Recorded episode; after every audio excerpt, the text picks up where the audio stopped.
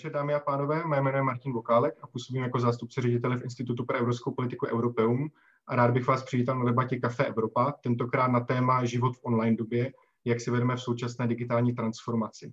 Tuto debatu si pro vás připravilo zastoupení Evropské komise v České republice, kancelář Evropského parlamentu v České republice a Institut pro evropskou politiku Europeum a mediálním partnerem těchto debat je Deník. My vlastně tomuto tématu se budeme věnovat i proto, že toto téma je důležité jak na té české, tak i na té evropské úrovni, což reflektuje i konference na téma roli digitálních dovedností v digitální transformaci Česka, kterou minulý týden organizovalo zastoupení Evropské komise v České republice a odkaz na tuto konferenci s, i s jejími výstupy můžete najít už teďka ve facebookové události k té naší dnešní debatě. Ale co se týká toho dnešního tématu, máme tady tři velice zajímavé hosty. Těmi hosty, kteří s vámi budou diskutovat, je v první řadě Barbara Bínová, spoluzakladatelka organizace Čekitas a proděkanka na Masarykově univerzitě. Dobrý den, Barbaro. Dobrý den. Poté tady máme Martina Horváta, který je vedoucím programu, vedoucím programu Digitální Česko, který tady vlastně na poslední chvíli zastupuje vládního zmocněnce pro IT a digitalizaci Vladimíra Dzurelu, který je na jednání vlády a který se možná zvládne připojit během té debaty, ale díky, pane Horváte, že tady máme vás. Pěkný den a právě to vypadá, že má role se výrazně snížila.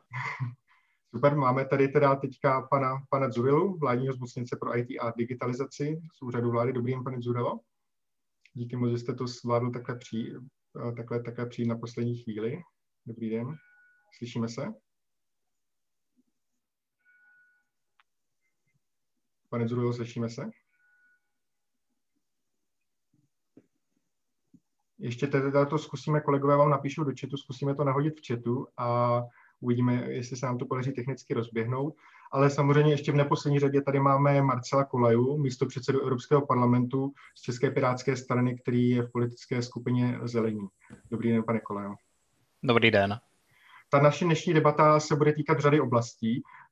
V první řadě bychom se měli zaměřit na život a práci online, její výhody, nevýhody, jaký je dopad na ekonomiku, případně na státní zprávu které státní zprávy bychom potom přešli vlastně s ohledem na digitalizaci státní zprávy a na to, jak si vedeme u nás a jak si třeba vedeme ve srovnání s Evropskou unii nebo jinými státy Evropské unie.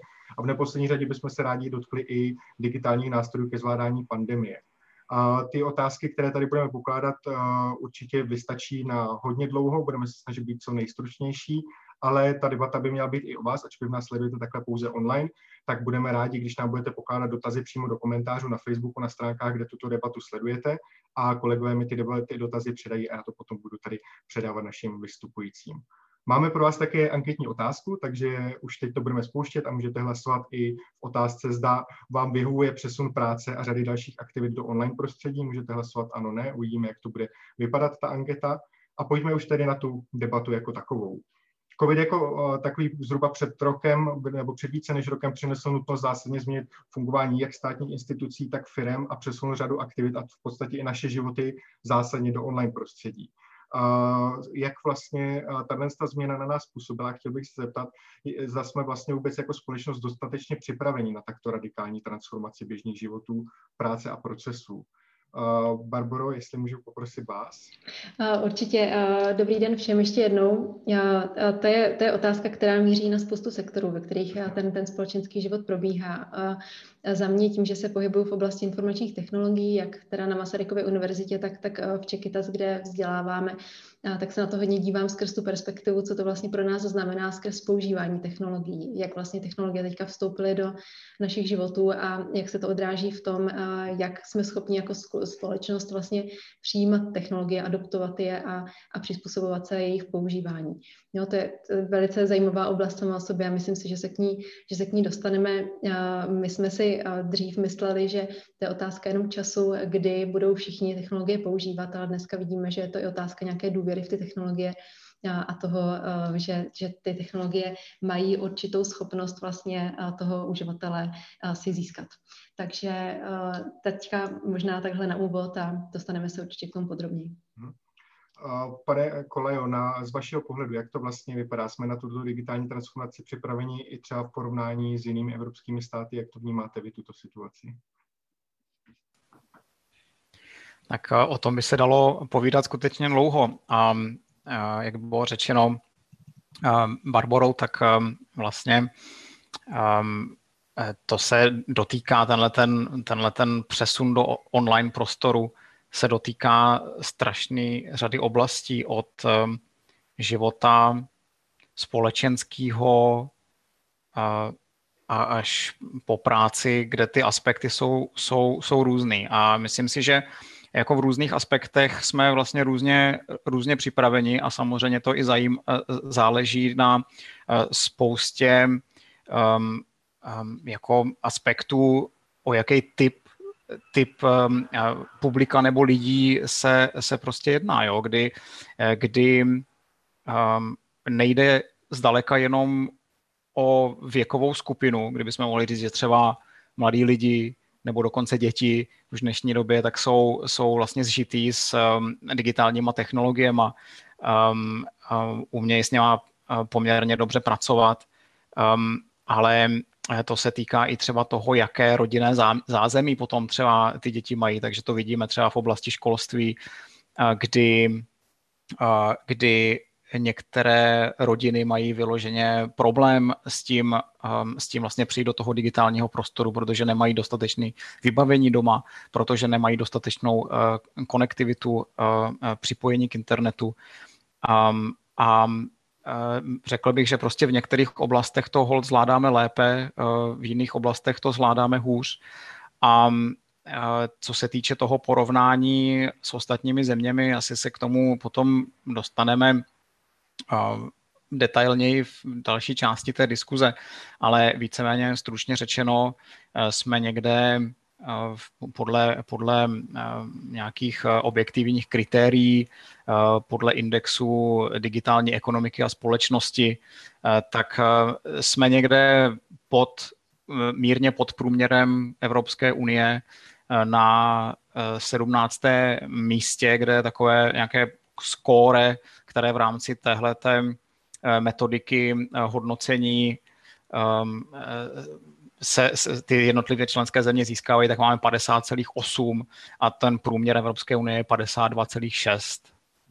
Máte pravdu, jsme tam vlastně jakoby v jenom v jedné z těch sledovaných oblastí jsme nad průměrem Evropské unie, ve všech ostatních oblastech jsme, jsme pod, Pře- Přesně tak, z těch pěti, pěti sledovaných oblastí jsme v jedné oblasti nad průměrem, to je integrace digitálních technologií a vše, ve všech těch ostatních jsme, uh, jsme pod průměrem hodně eh, třeba právě v té konektivitě a, uh, a také ale teda v digitálních veřejných službách. Tam hodně pokulháváme. Mhm. A pane Zurelu, jak vy vidíte tu naší připravenost? Už teda se nám odpojil váš kolega pan Horvát, tak uh, máme tady pouze vás, slyšíme se už teďka? No ano, děkuji za pozvání ještě a dobrý den ještě i ode mě. Uh, jestli jak vidím já připravenost, tak jak když to vezmu za nás, co my děláme a jak děláme, tak samozřejmě se snažíme o transformaci, aby, aby tak, jak to bylo děláno doteď, to už nebylo děláno. A chceme, aby eh, vznikaly online digitální služby co nejvíc. Když to vezmu z toho pohledu vlastně uh, náš zákazník, to znamená, či, uh, to znamená občan v různé roli, to znamená či už uh, občan jako fyzická osoba, jako podnikatel nebo jako statutára firma, tak se snažíme, aby co nejvíc bylo dostupna, uh, dostupných služeb online. Uh, k tomu vlastně uh, jela legislativa naproti v tom posledním období, protože ještě pořád máme v legislativě některé, některé věci, které digitalizaci brání, tak jak to v posledním, teď jak jsme schválovali DEPO, to bylo víc než 150 zákonů, které vlastně buď, buď nám pomohly v tom, že uh, zahodili břemena, které tam byly, tak jak například řidičák, když jednou máte v legislativě napsáno, že musíte si podat žádost na úřadě, pak si ho vyzvednout, tak, uh, tak to jsou samozřejmě překážky, které musíme odstraňovat a musíme v tom pokračovat dál. Takže za mě z tohoto pohledu, uh, co se týče centrálních služeb, tak, tak, tak, cel, tak jsme na tom podle mě velice dobře ale co se týče vlastně potom těch koncových služeb pro uživatele, tak tam máme co dohánět a tak, jak zákon jsme nastavili, že vlastně do čtyř let, od, od vlastně do pěti let od minulého roku, dneska už máme rok za sebou, tak máme být plně digitální, tak já věřím, že tohleto se, tohleto se splní. Mhm. Co se týče toho indexu DESI, který jako hodně hezky popisuje všechny oblasti, já za sebe musím říct, že my máme ještě jeden problém, že často se bojíme pochlubit i s tím, co funguje, takže my jsme už v minulém roce jsme začali připravovat, když se dělal ten OSN index, tak už jsme to vzali velmi, velmi jako poctivě A začali jsme hlídat i odpovědi, aby všechno bylo vyplněno správně a podobně a tam byl ten skok daleko výraznější. Já si myslím, že i teď v rámci, eh, v rámci dalšího šetření, v rámci DESI, tak už jenom tím, že máme bankovní identitu a další věci, takže v tom eh, indexu se povede poskočit. Ale co já ještě, ještě jedno, jestli můžu jako zodpovědět teď velmi krátce na otázku, já si myslím, že máme nejenom jako government, ale jako společnost je velmi, velmi jako advanced v rámci digitálních technologií, či už ve využívání internetového bankovnictví nebo nakupování online. Teď se to jenom umocnilo na práci, na školství a tak dál. Takže já doufám, že hodně dobrého si odneseme i z této doby dál. A, a to zlé se povede vlastně nějakým způsobem potom zamáznout, ale jako myslím, že uh, nějak, nějak to dobré, které i my se snažíme vlastně ve firmě potáhnout dál, aby, aby hybridní schůzka by neměla být, neměla být už nikdy problémem, když to někdy, když měli lidi home office, tak se říkalo, OK, tak se potkáme zítra, zítra nás tady bude víc, tak dneska už se nikdo nevymlouvá tak, takže věřím, že ty dobré věci, které, které, které nastaly i s koronavirem, takže budou pokračovat a ty, které byly ty výmluvy ohledně digitalizace, tak to, že se povede zamáznout určitě a už nebude, nebudou mít prostor. Teď se velice stručně zeptám vás všech, ale trošku z jiné perspektivy. Uh, Marceli, pro vás nejprve, co bylo nejtěžší pro lidi, jako obecně pro občany vlastně v rámci toho posledního roku, kdy ta digitalizace byla tak hrozně hnaná dopředu právě těmi covidovými opatřeními. Uh, co bylo nejtěžší pro lidi vlastně si takhle jakoby adoptovat na tu změnu podle vás? Já myslím, že to skutečně záleží na tom, z jakého zázemí vlastně um, ty lidi pochází. Uh, protože jak říkám, třeba pro rodiny, které nemají dostatek um, IT vybavení doma, um, nemají um, připojení k internetu dostatečný, tak uh, pochopitelně uh, je velký problém vlastně přechod do online vzdělávání a ty nůžky vlastně sociální ve společnosti se tím ještě rozvírají, uh, protože pokud ty děti z těch rodin nebudou mít um, dostatečný vzdělání, vlastně přijdou o to kvalitní vzdělání tím, že se dostatečně nebudou moct zapojit, eh, tak eh, pochopitelně je to znevýhodňuje potom dál eh, v dalším životě. Proto taky Piráti rozjeli tu akci sbírka počítačů pro děti, protože my to vnímáme jako velmi, velmi důležité téma. Takže tohle já bych určitě vypíchnul, že pro určitou skupinu lidí tohle byl, bych řekl, možná jeden z těch vůbec největších, eh, největších problémů. Um, kdybych to měl vyvážit eh, trošku jako tím, co vnímám třeba jako já osobně, že, to, eh, že se teď nebudu dívat jakoby na širokou společnost, ale velmi úzce třeba, jak to, jak to funguje v politice, tak třeba pro mě je nebo obecně nejenom pro mě, ale pro fungování parlamentu a věřím tomu, že nejenom evropského, ale, ale obecně parlamentů jako takových, Eh, tak je to, že ten fyzický kontakt, ehm, když prostě chcete něco vyjednat, tak je strašně důležitý. Ehm, nebudete si dávat prostě pětiminutovou virtuální schůzku kvůli tomu, že potřebujete rychle něco, eh, rychle něco probrat a prostě skočit do vedlejší kanceláře je prostě o dost jednodušší. Eh, to, když potkáte prostě lidi na chodbě a vyměníte si nějakou důležitou informaci jen tak mimo děk, tak je to vlastně součástí toho, toho parlamentního života a bez toho je to přeci jenom jako trošku um, složitější a to není a to není jenom, um, to se nebavím jenom o politicích, ale i třeba právě o zaměstnancích, uh, o politických poradcích a tak dále. A myslím si, že tenhle ten aspekt, uh, když ho zase zpátky jakoby rozšířím na celou společnost, uh, tak to si myslím, že je něco, na co určitě lidi v práci, na, na co naráželi taky, že, že prostě tyhle ty mírné problémy tam jsou prostě, protože tak nějak z principu úplně odbourat nejdou. Jako souhlasím s tím, že ta pandemie nás mm, vlastně eh, posunula, že nás natlačila do kouta, my jsme prostě museli to řešit. Um, takže skutečně dneska už by snad neměl být problém, když je někdo na home office, tak si dát uh, prostě virtuální hybridní meeting to by problém být neměl, ale prostě některé ty aspekty tam samozřejmě uh, jsou problematický. To, co myslím, že se uh, uh, taky hodně mohlo dotknout, je potom ta flexibilita těch úřadů um, vlastně fungovat v tomhletom, v tomhletom virtuálním, v tomhletom virtuálním prostředí. Takže pokud to vezmu z občana, jako toho, kdo přijímá nějakou službu od těch úřadů, tak samozřejmě tam taky mohli naražet na nějakou bariéru. Mm-hmm. Barbaro, z vašeho pohledu, co bylo nejtěžší naopak pro firmy, pro podnikatele a tak eh, přizpůsobení se té zásadní digitální transformaci, které čelíme více než rok teď už? A jasně, tak ona, ona jakoby to byla řada věcí. Já si myslím, že u těch firm tak byl velice prudký přesun do onlineu z pohledu i toho, že řada firm tak má, jsou dneska globální společnosti, mají přesah vlastně do toho, do toho globálu a řada jiných zemí, tak byla většinou ta, ta společnost tak přijímala ty opatření, které měla ta země, která z daného umístění té společnosti byla nejpřísnější. To znamená, že řada firm vlastně přišla, tam byl jakoby velice prudký náraz u řady firm, který řekli rovnou od začátku a teďka počítejte, že rok se neuvidíme, jo, kdy ještě jsme si mysleli všichni, že je to sci-fi, že že se brzo uvidíme osobně. Takže tam byl dost velký náraz, který takhle přišel. Vlastně podobný náraz zažili ty školy, takže já bych to k tomu možná připojila. A ještě bych doplnila teďka k těm, k těm školám jednu věc, co mi napadla právě, když jsem poslouchala Marcela Kolaju, za mě tady v té situaci, tak jedna z těch těžkých věcí byla, že řada lidí k té situaci přistoupila, takže to nějak přečkáme jo, že to bude chvilka, že to nějak zvládneme, že to nějak přečkáme, že, že to nevadí, že prostě na pár měsíců nám vypadne vzdělávací systém, že nám na pár měsíců vypadne setkávání se a schůzky, že nám na pár měsíců vypadne progres na nějakých projektech ve společnostech, že to nějak jako vydržíme a za dva měsíce se vrátíme. A vlastně ten, ten propad potom třeba u toho vzdělávacího systému, tak si myslím, že, že byla taky jedna z těch věcí, která byla docela náročná. A, takže ten jakoby, jo, u těch, u těch firm, abych se vrátila k tomu, tak, tak určitě, jo, takový ten jakoby ostrý náraz.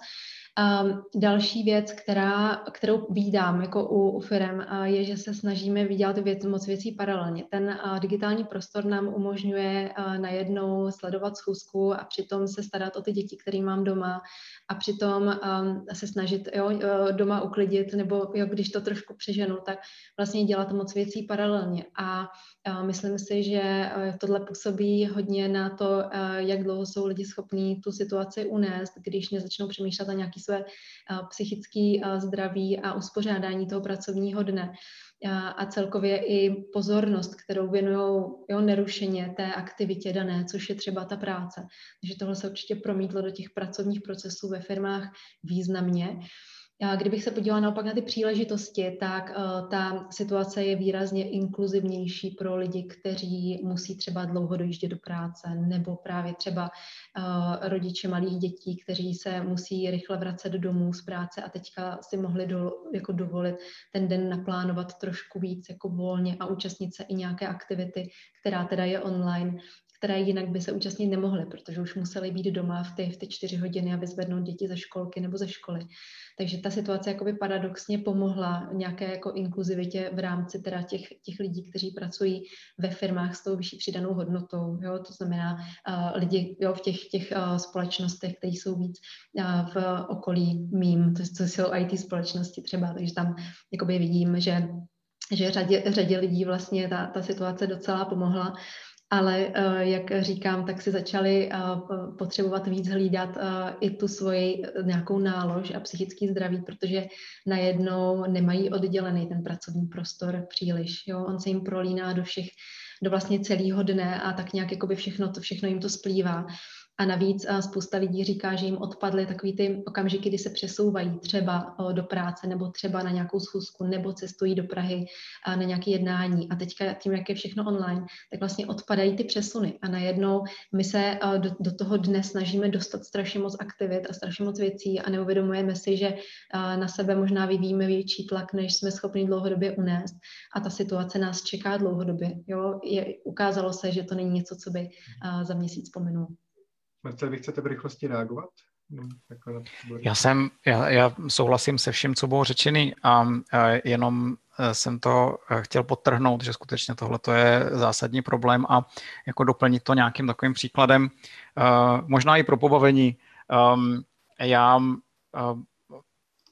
předtím, než jsem byl zvolen poslancem Evropského parlamentu, tak jsem pracoval dlouho v mezinárodních firmách, takže vlastně pro mě, eh, pro mě to virtuální prostředí je takovým eh, poměrně eh, jako přirozeným prostředím, protože když si chci dát zkusku se svým americkým kolegou, tak, tak prostě jako tam jako nepoletím kvůli půlhodinové schůzce do Spojených států, ale skutečně tím nešvarem je a to se, eh, to se skutečně třeba v těchto těch firmách jako i stává velmi často, eh, že i, i po tom, co prostě oni roky vlastně jedou tady v tomhle režimu, protože to v tom rozpoložení přes celý svět ani vlastně jako jinak udělat nejde, eh, že ty lidi skutečně ztrácí pozornost, jo? že potom, potom máte na, na schůzce člověka, který nedává pozor a když se ho na něco zeptáte, tak vlastně musíte potom položit otázku znova, protože on se vás zeptá, na co jste se mě ptal, já jsem, um, já jsem nedával pozor, až to vede k takovým právě komickým situacím, jako že prostě na meetingu najednou slyšíte spláchnutí záchoda,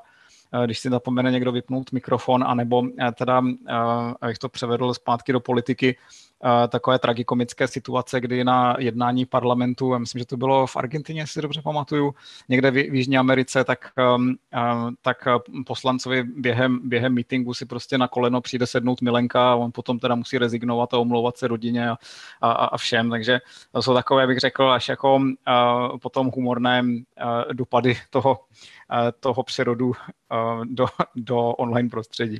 My jsme jich taky určitě hodně zažili, naprosto souhlasím, jsou takové vtipné historky, ale to asi necháme na jindy každopádně.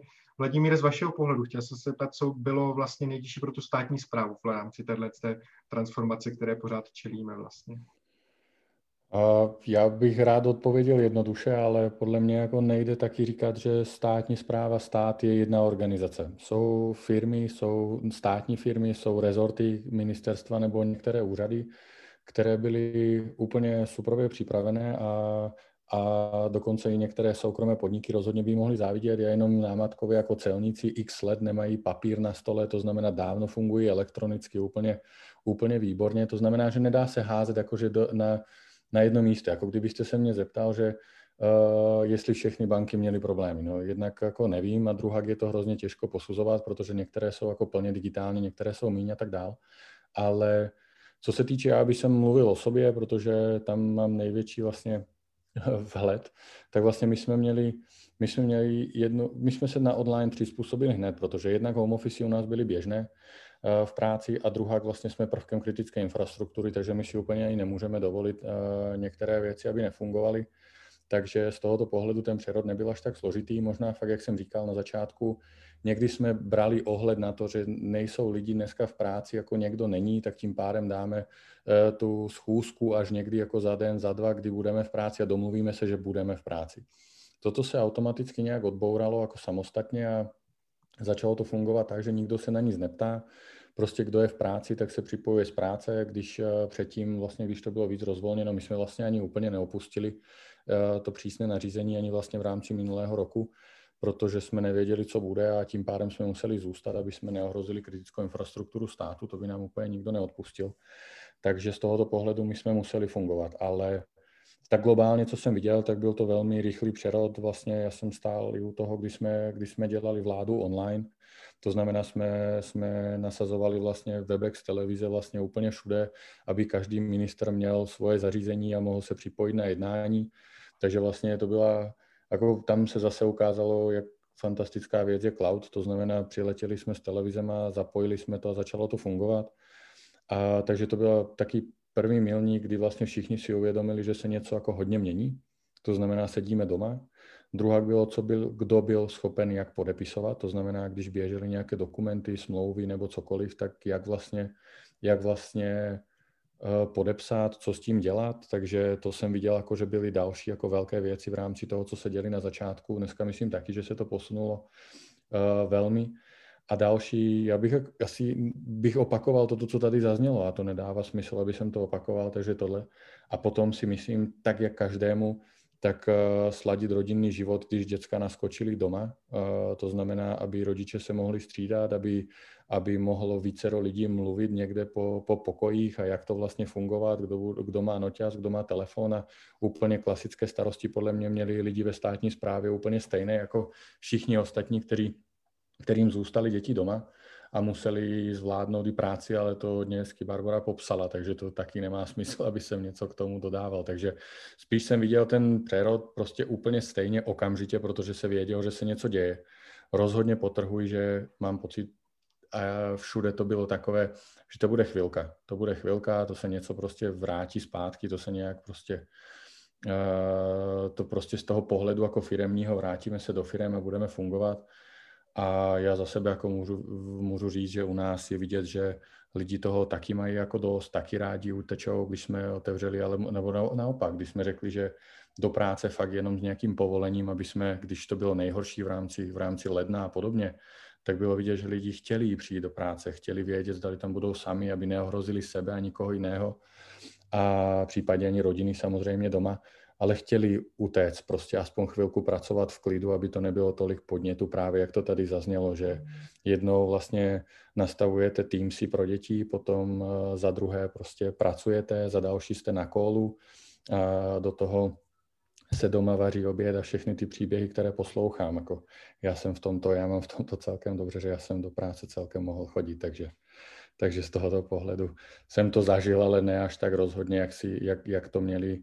Někdo to, má prostě permanentně. My jsme měli ještě i tu výhodu, že vlastně uh, školka a prvé dva ročníky chodí do škol, chodili do školy. To znamená, fakt z tohoto pohledu obdivuji jako všechny, uh, kteří tohleto, jako všechny maminy a, a vlastně rodiče celkově, které tohleto zvládli jako dohromady, protože já si myslím, že to je neuvěřitelné. Jako když si vezmete rok zpátky, že by někdo tohle to řekl, představte si, že budete prostě doma, budete tohle všichni jako zvládat a budete se to snažit vlastně dát dohromady a skloubíte celkově jako fungování domácností, eh, školy, učitele, kuchaře, doučovatele, entertainera, nevím co všechno ještě, tak si myslím, že spousta lidí by se jako vysmála hezky.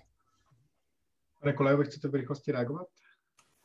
Já jsem chtěl jenom dodat možná nějaký trochu data na to, jak ta veřejná zpráva vlastně není monolit a v různých částech ehm, eh, to, to funguje různě. Podle těch dat, které já mám k dispozici, tak eh, třeba na ministerstvu průmyslu a obchodu eh, pracovalo na home officeu až 55% zaměstnanců na ministerstvu pro místní rozvoj, dokonce 85.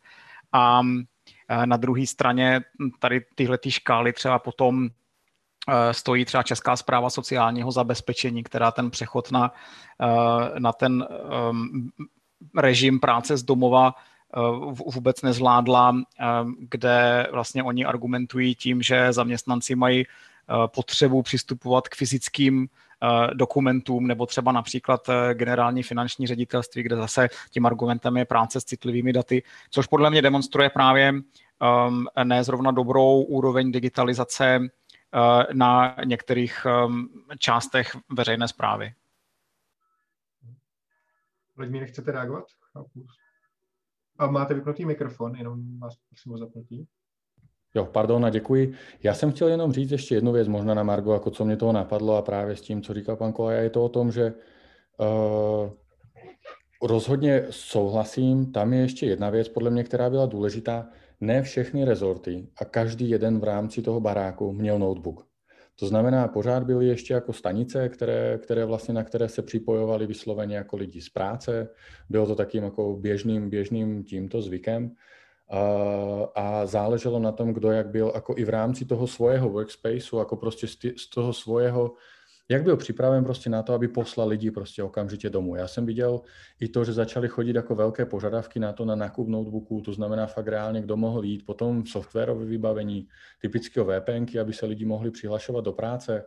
Pak bylo vidět, kdo byl připravený z hlediska například cloudového prostředí na kolaboraci, to znamená, když už vezmu, jako jestli fungují lidi přes Microsoft Teamsy nebo přes Slack nebo právě jako Zoom, Google, to je teď jako jedno, ale bylo vidět, že i, ty, i tohle to muselo nějak, nějak naběhnout. Kdo byl připraven a kdo už předtím využíval home office, tak úplně neměl problém a, a často ty lidi i měli buď notebooky, anebo se mohli buď nějak pre, přes jako virtuální plochy přihlašovat kdo přes svoje zařízení a tak dál, to i o tom vím, ale záleželo to i na flexibilitě organizace a jak je byla schopná vlastně zásobit noťasy, aby oni mohli pracovat z domova. Uh-huh. Já teda ze své osobní zkušenosti taky vím, že právě přesně, jak říkáte, ta vybavenost a ta připravenost byla velice odlišná v rámci některých jako rezortů, ale stejně tak, jako to bylo v některých firmách. Barbara, vy jste chtěla reagovat? A ještě doplnit vlastně jednu věc, a to, kterou vnímám, že v tom českém prostředí, asi to nebude jenom výjimka české prostředí, ale řada institucí vlastně funguje v takovém duálním systému. To znamená, že eh, lidi, kteří by chtěli být digitální, tak mají tu cestu, to znamená, dejme tomu, eh, požádat si o dovolenou nebo vyplnit cestovní příkaz, mají možnost udělat to elektronicky, nicméně pořád je tam ještě ta papírová alternativa. To znamená, že ti, kteří plně nutně tady tu možnost eh, si nechtějí vzít nebo nevyhledávají, tak mají tu možnost udělat to papírově.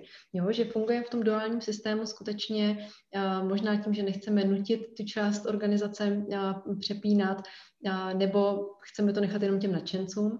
A myslím si, že na tuhle část populace právě narazila ta vlna toho, kdy museli a nedůvěřovali tomu systému. Jo. Jednak měli podle mě strach z vlastní chyby, to znamená, to celkově je vidět v české populaci jako velice silný fenomén. Lidi mají strach udělat chybu, že bude někdo pranířovat za tu chybu, protože my bohužel jako český národ to děláme. Jo. My, my pranířujeme ostatní za chyby. Jo. Máme, nevím, nevím proč, proč to máme takovou zálibu silnou, a, ale fakt je, to, fakt je to tady docela taková mimořádná věc. A lidi mají strach udělat chybu. To znamená, že pokud potom jde o takovou situaci, že si můžu vybrat, udělat ten papír, a vím, že to do toho systému zadá nějaký člověk, který to po mně zkontroluje a vím, že tam chyba nenastane. Versus to, jdu to, to dělat rovnou v systému, ale je tam to riziko, že udělám chybu a budu z toho mít problémy, tak ty lidi mají takovou velkou rezistenci vůči, vůči těm technologiím. A to je podle mě taky jako silný element, který do toho vstupuje. Jo, takže celkově ta, ta nějaká jakoby důvěra a strach, obava z toho, že to udělám špatně a že z toho budu, ponesu z toho nějaké následky. Eh, dále se můžete ptát do komentářů, eh, klidně pokládejte otázky, kolegové mi to tady předají a já bych se teďka zeptal rád vlastně, když se bavíme o té transformaci, tak už jsme se tady toho částečně dotkli, ale jaké vlastně digitální dovednosti jsou potřeba, aby jsme tohle to zvládli a co nám z těchto dovedností tady u nás vlastně v České republice nejvíce chybí. Pane Kolajo, začneme, začneme u vás, jak vy to vnímáte, tu situaci my a digitální dovednosti.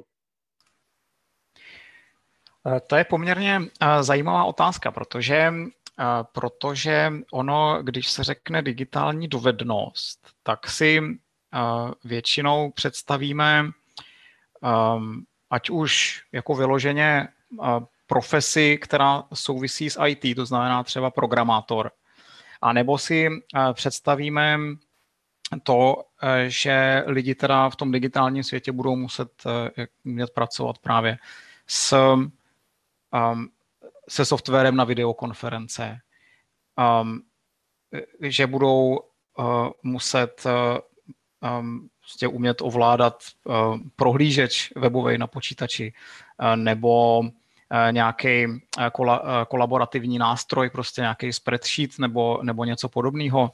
A ono ve výsledku vlastně je to mnohem, um, mnohem širší. A to ani ne tak jako nutně uh, úplně uh, kvůli pandemii, ale to, že prostě ten digitální svět dál postupuje, což prostě ta uh, pandemie pochopitelně určitým způsobem um, akceleruje, ale taky to určitým způsobem ohýbá, protože ty požadavky té společnosti nebo potřeby té společnosti v tom digitálním prostoru se mění a, ty, a ta poptávka se, se, se trošičku mění a vůči tomu se samozřejmě mění i ta nabídka, ale ten, ten, ten, ten posun, ten, ten trend, kdy stále víc toho je digitálního a stále víc ten digitální svět se vlastně propojuje s tím fyzickým a dneska prakticky my jsme na každém, na každém kroku digitální. Kdo dneska nemá mobilní telefon, který je připojený permanentně k internetu a uh, jak má tam prostě člověk přístup k sociálním sítím, různým četovacím uh, nástrojům a tak dále, uh, to je dneska vlastně běžnost. No a s tím se, po, s tím se teda pojí nejenom možnosti, jak ty technologie využívat, na což ty digitální dovednosti jsou, jsou potřeba, ale Eh, s tím se pojí i rizika. Eh, to znamená ehm, to, že eh, ty firmy třeba, které nám nabízí nějaké služby, ať už to jsou sociální sítě, ať, už to jsou ty četovací platformy, um, nebo to klidně může být to, že jsme někde zákazníkem a v nějakým webovém formuláři něco vyplňujeme a tam si s náma třeba někdo povídá na druhé straně jako helpline, tak to třeba v dnešní době Eh, velice jednoduše může být umělá inteligence. Ehm, tak vlastně lidi potřebují získat mnohem větší znalost o tom, jaký jsou právě rizika, které se pojí s, s používáním digitálních technologií a že vlastně lidi jsou vystaveni těm digitálním technologiím často v případě, v kterým vlastně je to ani že je to, v je to vlastně ani nenapadne. Ve chvíli, kdy žádáte o práci, tak prostě to, ten váš životopis může třídit opět prostě nějaká umělá inteligence. A Eh, tam je potřeba pochopitelně ehm, zakročit, eh, řekněme, legislativně, prostě nastavit těm letěm novým technologiím nějaký rámec, ale současně je potřeba právě ehm, vzdělávat eh, společnost v tom smyslu, aby si tohodle byli vědomi a aby se v tom digitálním prostoru pohybovali bezpečně. Velmi úzce to souvisí s kyberbezpečností, prostě tím, jak, jak ty digitálně, digitální technologie používat, abych potom prostě se nedivil, že nějaký data, který já jsem považoval za soukromí, tak prostě najednou, najednou prostě někde veřejně vysej, protože jsem se nestaral o to, aby ty data byly dostatečně zabezpečeny. Paní Bínová, vy se vlastně v Čekytas vzdělávání a rozšiřování těch digitálních kompetencí věnujete. Jak to vnímáte vy, tuhle tu situaci? V jakých oblastech nám to, ty kompetence nejvíce chybí a naopak, co, a co bychom právě měli dělat pro jejich jako zlepšení a posílení? Jo, určitě tak tam jo, teďka odpověď by mohla být hodně široká, takže já to, já to zkusím uh, zúžit uh, zase na nějaké klíčové oblasti. Řekla bych, že eh, je důležité podívat se, s jakým cílem ty digitální technologie používáme. Jeden cíl je vůbec eh, obecně to jakoby sociální propojení společnosti. Dneska bez digitálních technologií tak se vlastně ten člověk vypadává z toho okruhu té společnosti. To, to vlastně člověk se stává sociálně vyčleněným, pokud nemá schopnost být, být v komunikaci třeba s ostatními díky nějakým digitálním komunikačním nástrojům. Takže to je jakoby jedna oblast, jo, ta, ta vlastně začleněnost do společnosti. A ta se dneska promítá i začleněnosti jako přístupu k základním službám. To znamená tomu, že pokud si člověk chce koupit jízdenku na vlak nebo na autobus, tak pokud to udělá přes mobilní telefon, tak má mnohem lepší příležitost než člověk, který si jde stoupnout k tomu okýnku a čeká, jestli někdo náhodou v tom plném autobusu vrátí jízdenku, aby si ji mohl on sám vzít. Takže člověk vlastně, který nemá ty základní digitální dovednosti, tak se stává vyčleněným z té společnosti. To je jedna klíčová, klíčová věc.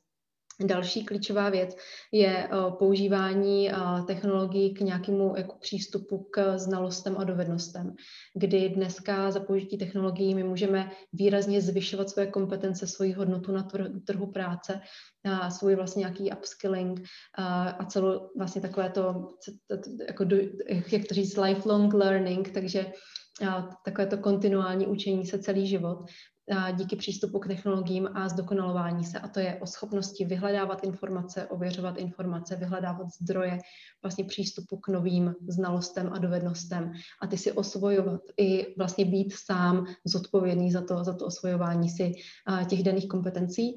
No a potom samozřejmě jsou to věci toho rázu a už rozumění, jako pokročilejšího porozumění technologiím.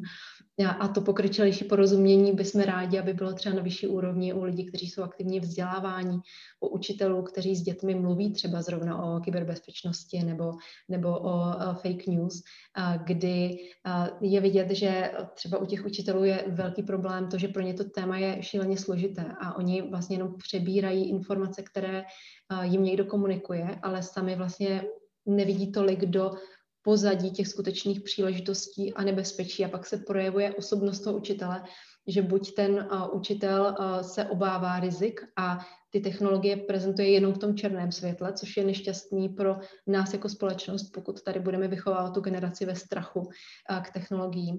A nebo ten učitel je nadšenec a potom zase může opomíjet ta rizika, která jsou s technologiemi spojená. Takže velká kapitola potom vlastně digitálních kompetencí učitelů a nejen těch dětí ve školách, ale máme skutečně digitálně kompetentní lidi, kteří vzdělávají ty budoucí generace, aby je vzdělávali vlastně v, té, jako v tom reálném obrazu skutečných příležitostí i rizik, které s těmi technologiemi souvisí. Takže tak bych to zúžila na nějaké tři oblasti, ale ráda rozvedu jakoukoliv z nich. Zurilo, jaké digitální kompetence chybí podle vás eh, v České republice a co by třeba mohl stát dělat více třeba vůči i biznisu eh, k tomu, aby třeba ty digitální kompetence byly lepší. Například právě třeba z té konference, o které jsem mluvil, tak tam vzešlo jedno doporučení, že by se právě stát s firmami měl více propojit a měl by právě ty digitální kompetence řešit tak, aby ty digitální kompetence byly vhodné pro ten pracovní trh. Co si o tomhle to myslíte, jak vy to vnímáte, tu situaci u nás ve společnosti? Já si myslím, že to je naprostá pravda, co říkáte a je vidět například, že klíčové zákony, o kterých jsem mluvil vlastně v tom minulém roce, to znamená, či už je to zákon o právo na digitální službu, nebo to byla digitalizace stavebního řízení, nebo je to cloudová vyhláška jako celkově. Vzniklo to ve spolupráci vlastně vlády a úředníků, potom to vzniklo ze spolupráce s poslanci a ve spolupráci s komerčním sektorem. A vzniklo to jako, jako jedno dílo, ve kterém vlastně všichni jako se podepsali a řekli, že ano, je to to správně. Já z toho vytáhnu, protože legislativa ohledně na digitální službu jo, a bankovní identitu samozřejmě jsem, jsem opomněl, ale nechtěl jsem. Ale je to o tom, že vlastně něco, co vzniklo v rámci, v rámci komerčního světa, to znamená ta bankovní identita, tak se bude využívat potom i pro přihlašování ke službám státu. To znamená, že je to, je to to propojení z jedné strany, je to propojování komerčního a a, a toho eh, public sektoru vlastně, který, eh, který kde se dají najít, jako, kde se dá najít velká inspirace vlastně v komerčním světě. To znamená, protože komerce si už často tím, tou transformací prošla. To je první věc. To znamená, že daleko větší propojení. Klidně můžeme o tom mluvit jako z hlediska bezpečnosti, to znamená ve státě může být jako, a je, tak jak dneska ho máme, je to NUKIB, je to mínkotvorná organizace, která doporučuje, píše standardy, píše legislativu a tak dál, ale například my se často bavíme o tom, aby jsme vytvořili například jednotku záloze, která, kterou budou české domácí firmy, které se věnují bezpečnosti, klidně můžou být i nadnárodně samozřejmě, ale které se věnují bezpečnosti a je to, když je průser, když například se stane něco v nemocnicích, tak jak se stalo, tak vlastně můžete tu jednotku tu jednotku eh, velmi rychle povolat. Oni vám velmi pomůžou na základě toho, protože přinesou okamžitou expertízu, přinesou prostě něco, co by mohlo fungovat daleko líp. Jsme velmi daleko v těchto úvahách a diskuzích. A za třetí, co by jsem vytáhnul ještě, tak to bylo například cloudová vyhláška. No vemte si, jak by dopadl cloud, kdyby ho napsali jenom úředníci, který bez dodavatelů, bez vendorů, bez toho, jak vlastně cloud se reálně používá, jak oni vidí vlastně svoji roadmapu rozvoje. Já neříkám, že nemá být na jedné straně jako velmi silný názor, jak to má být z hlediska dát, z hlediska bezpečnosti, dostupnosti, z hlediska rezidence a tak dále, tak dále. Ale říkám, že z hlediska z hlediska jako nabídky toho, co, jak cloudové služby jako se poskytují, jak se mají nakupovat, jakým způsobem vlastně to má celé fungovat, tak to musí dát někdo, kdo s těma cloudovými službami hodně pracuje. To znamená, proto právě my jsme se propojili tehdy s komerčním sektorem a ta zpráva je podepsaná za, vlastně za všechny. To znamená, každý dneska řekl, ano, tohle to je nějak správně, ano, teď se bavíme nějak o vyhlášce v rámci kyber, v rámci Nukibu a v rámci v rámci realizace, kde ještě máme některé jako otevřené body, aby jsem to nelakoval jenom, že jaké je to krásné, hezké. Ale všechno tohle, co se řeší, tak vlastně vzniká dneska a snažíme se hodně spolupracovat právě jako s komercí. Já věřím tomu, že to propojení, že v tom je ta obrovská sila. Bavíme se čisto o, o, o tom, jak podporovat vlastně startupy a jak vlastně celkově eh, je, vzniká fond, který má být vlastně takisto eh, z bank a celkově. Čiže Čiže těch příležitostí, jak spolupracovat, je hodně a za mě je to podle mě ještě pořád jako hodně málo využívaná, využívaná synergie, která by to mohla daleko víc jako uh, daleko, daleko víc rozhýbat. A či už se to týče vzdělávání, protože tak, jak tady bylo řečeno, jsou firmy, které se, sami jsme to viděli, když se do toho zapojili do vzdělávání, přinesli vlastně technologie do těch škol, do těch firm, tak vlastně i, i tím se začalo víc dařit potom, takže si myslím, že v tomto bychom měli daleko víc pokračovat, daleko víc jako hledat možnosti spolupráce, ale dovolím si vlastně ještě poslední větu, že je tam vždycky jako o tom, jak se potom na to dívají kontrolní orgány, jestli se někdo nezvýhodnil tím, že byl na začátku diskuzí a tak dále. Čiže vlastně do této diskuse musí, do, do této diskuze musí být vlastně zapojen každý. To znamená, i kontrolní úřad, i vlastně ten, který by na konci neposuzoval vlastně, jak to tam probíhalo, protože velmi jednoduše potom můžete být naštěn z něčeho, co, co, co nemusí být pravda. Já za sebe ještě řeknu jako poslední věc, když vezmu jako zase paralelu s firmy, my, když eh, děláme, či, eh, či už se to týče jako bezpečnosti, nebo teď děláme hybridní cloud, nebo cokoliv, my ne, nenakupujeme jako nikdy z toho, že bychom začali dělat něco na papíře, to znamená, že přijdou technici, něco si namalují a něco potom vysoutěžíme.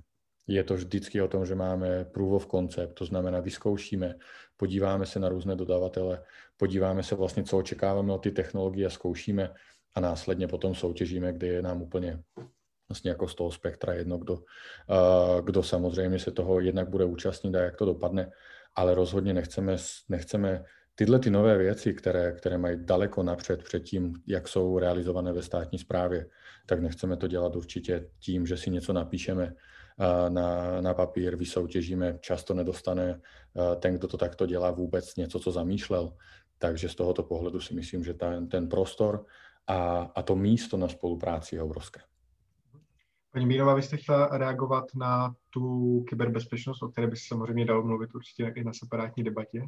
Dále určitě. Já jsem chtěla k tomu malinko přispět, protože mě tam, já tam vidím silný most na ty předchozí témata, která jsme diskutovali a ráda bych, aby to, to zaznělo a to a z toho pohledu, že pokud tady mluvíme o tom, jak chceme digitalizovat národ, to vlastně udělat ty technologie přístupnější každému, tak se musíme dívat na to, co jsou ty důvody, proč lidé technologie nepoužívají. A samozřejmě jakoby část je, jde na vrub tomu přístupu k těm technologiím nebo prostředkům, případně přístupnosti těch technologií, ale druhá část je důvěra v technologie. A u, těch, u té důvěry v technologie tam jako pozor. Tam máme vlastně dva aspekty a dvě, dvě společenské skupiny, kde jedna věřím, že se nám zmenšuje, ale ta druhá se nám zvětšuje. Ta zmenšující se je ta nerozumím technologiím a proto jim nedůvěřuji. Ta zvětšující je rozumím technologiím a proto jim nedůvěřuji.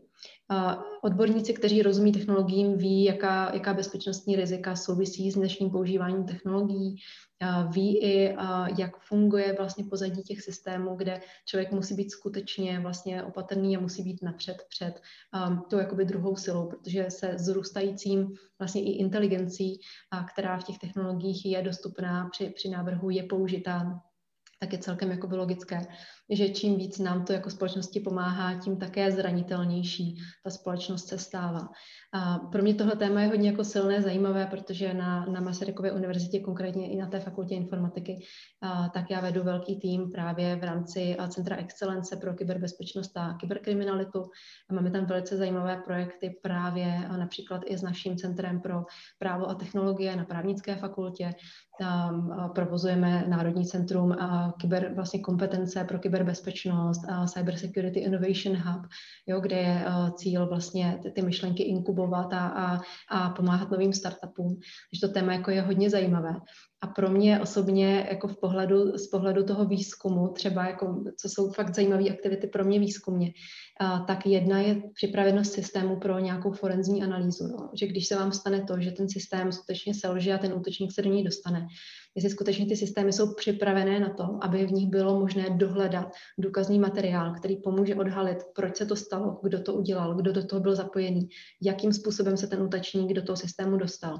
A že tyto důkazy, které dokážeme z toho systému vydolovat, tak nebyly nějak pozměněny v průběhu uh, toho samotného útoku. Protože to, co se dneska děje, tak je to, že my ty systémy nějak prostě zbastlíme, tak aby jsme je měli co nejlepší, aby se náhodou ten útočník do toho systému nedostal. Ale nemáme už kvalitně zajištěnou ochranu té situace, že ten útočník v tom systému je a toho, že on po sobě může zamíst stopy a my po, po, po tom útočníkovi potom už jakoby nic moc jako nezjistíme a nenajdeme. A zrovna z pohledu těchto rizik, tak já rozumím, že nám fakt tady roste i velikost skupiny těch lidí, kteří těm technologiím rozumí a proto jim nedůvěřují. A myslím si, že to má potom dopady i v konexi na, na různé situace a kauzy, které tady máme, různých selhání systémů a jejich, jejich vlastně i nespolehlivostí nebo toho, jak, jak, jak jo, jsou, se jim dá důvěřovat v určitých situacích. Samostatná oblast. Pane Žurilo, chcete reagovat? Ani nechci reagovat, chci se spíš jako doptat dál, jestli si paní Bonava myslí, že může nastat, že vlastně lidi začnou bojkotovat. To znamená, že může to dojít k tomu, že začnou bojkotovat technologie a budou říkat, ne, ne, ne, vracíme se zpátky, tohle to děláme jenom v papíře, to znamená nebo offline, jo, když to tak řeknu. To, to se děje. To už se děje. A jenom se to neděje ještě v tak viditelné míře, ale děje se to například, když se podíváme na energetické sítě, a zejména třeba v Německu, kde lidi si velice váží svého soukromí a svých, svých vlastně svého jako privacy v tom ohledu vlastně nějakých svých dat, tak je tam ten opt-out. To znamená, že i když můžu mít nějaký chytrý, chytrý smart meter, který mi měří spotřebu v domácnosti a reportuje to, je to všechno propojené, tak ta domácnost se rozhodne, i když je to třeba stojí dodatečné poplatky, tak z tohoto systému vlastně vystoupit a zůstat radši u klasického měření, protože má obavy z toho, že pokud máte skutečně chytrá zařízení tohoto typu, třeba ten chytrý jo, elektroměr, tak vy jste schopný už jenom na principu toho, že on vysílá informace o spotřebované elektřině v třeba v dvousekundových intervalech, tak odhalit, na, jakou, na jaký film se ta domácnost dívá, kdy se na ten, na ten film dívala, jo, co používá za zařízení. Jenom na základě vlastně chytré analýzy toho, jak odečítáte data o spotřebě elektrické energie v té domácnosti. A právě tady to jsou aspekty, které různý, jako konkrétně třeba Německo je tím známé, oni jsou jako velice pečliví na, na ochranu svých osobních údajů, tak se tam právě dochází tam k tomu opt-out, to znamená ty, ty technologie. Když bychom se vrátili k tím firmám a k home office, tak bych si tady dovolil použít uh, dotaz, který nám položil Palo Fabuš, který píše, že by ho zajímal postoj vás vystupujících k tendencím vnímat home office ze strany zaměstnanců jako dovolenou, takže přistupují k nějaké formě dohledu nad svými zaměstnanci. A také se dále ptá, jak by podle vás bylo možné zajistit, aby se o náklady ušetřené díky home office zaměstnavatele dělili férově se svými zaměstnanci, například zvýšením mzdy. Tak eh, co si o tom myslíte, pane Koleo, začneme u vás. Jenom zase poprosím velice ve stručnosti, máme tam ještě hodně hmm. oblastí, kterých se ideálně musíme dotknout. Jo, eh, tak já si myslím, že on eh, jako každý ten zaměstnanecký poměr, vlastně ta spolupráce mezi tím zaměstnavatelem a zaměstnancem vždycky musí být um, založená na nějaké formě důvěry. A určitě bych varoval před tím, že by že by zaměstnanci měli mít třeba, já nevím, doma eh, nainstalovanou kameru, která na ně permanentně bude mířit kvůli tomu, aby teda zaměstnavatel mohl eh, si pozorovat, jestli ten zaměstnanec se náhodou nefláká. A myslím si, že by to snad jako ani ne, nebylo v, v souladu s, se současnými zákonama.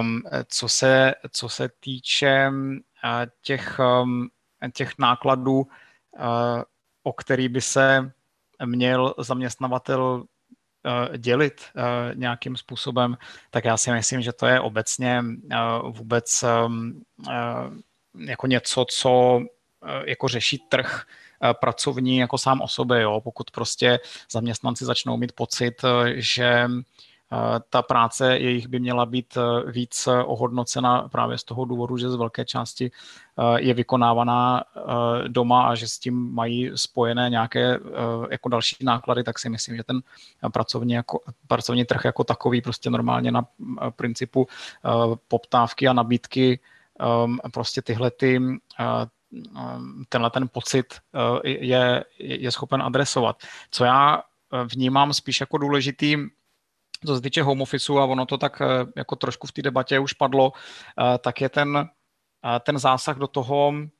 do toho osobního života v tom smyslu, že potom člověk nezná ty hranice, jo, kdy prostě kdy teda už jako začíná ten pracovní den a kdy teda končí a už je vlastně jako doma, protože on je vlastně doma pořád.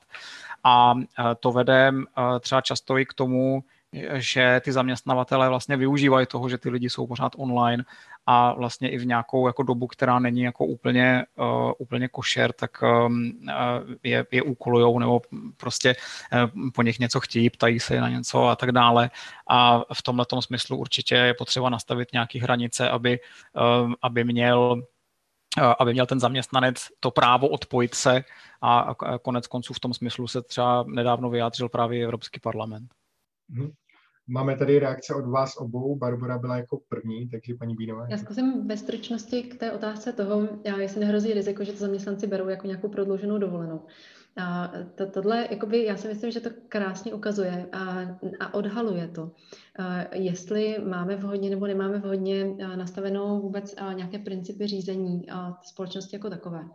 A jestli náhodou není to o přehodnocení toho způsobu, jakým ten daný tým a tu danou společnost vedeme. Je jasné, že v každém, v každém odvětví to bude různé, tak já se zaměřím na ty kreativní odvětví nebo odvětví s tou vyšší přidanou hodnotou, IT a podobně, protože tam mám největší zkušenosti.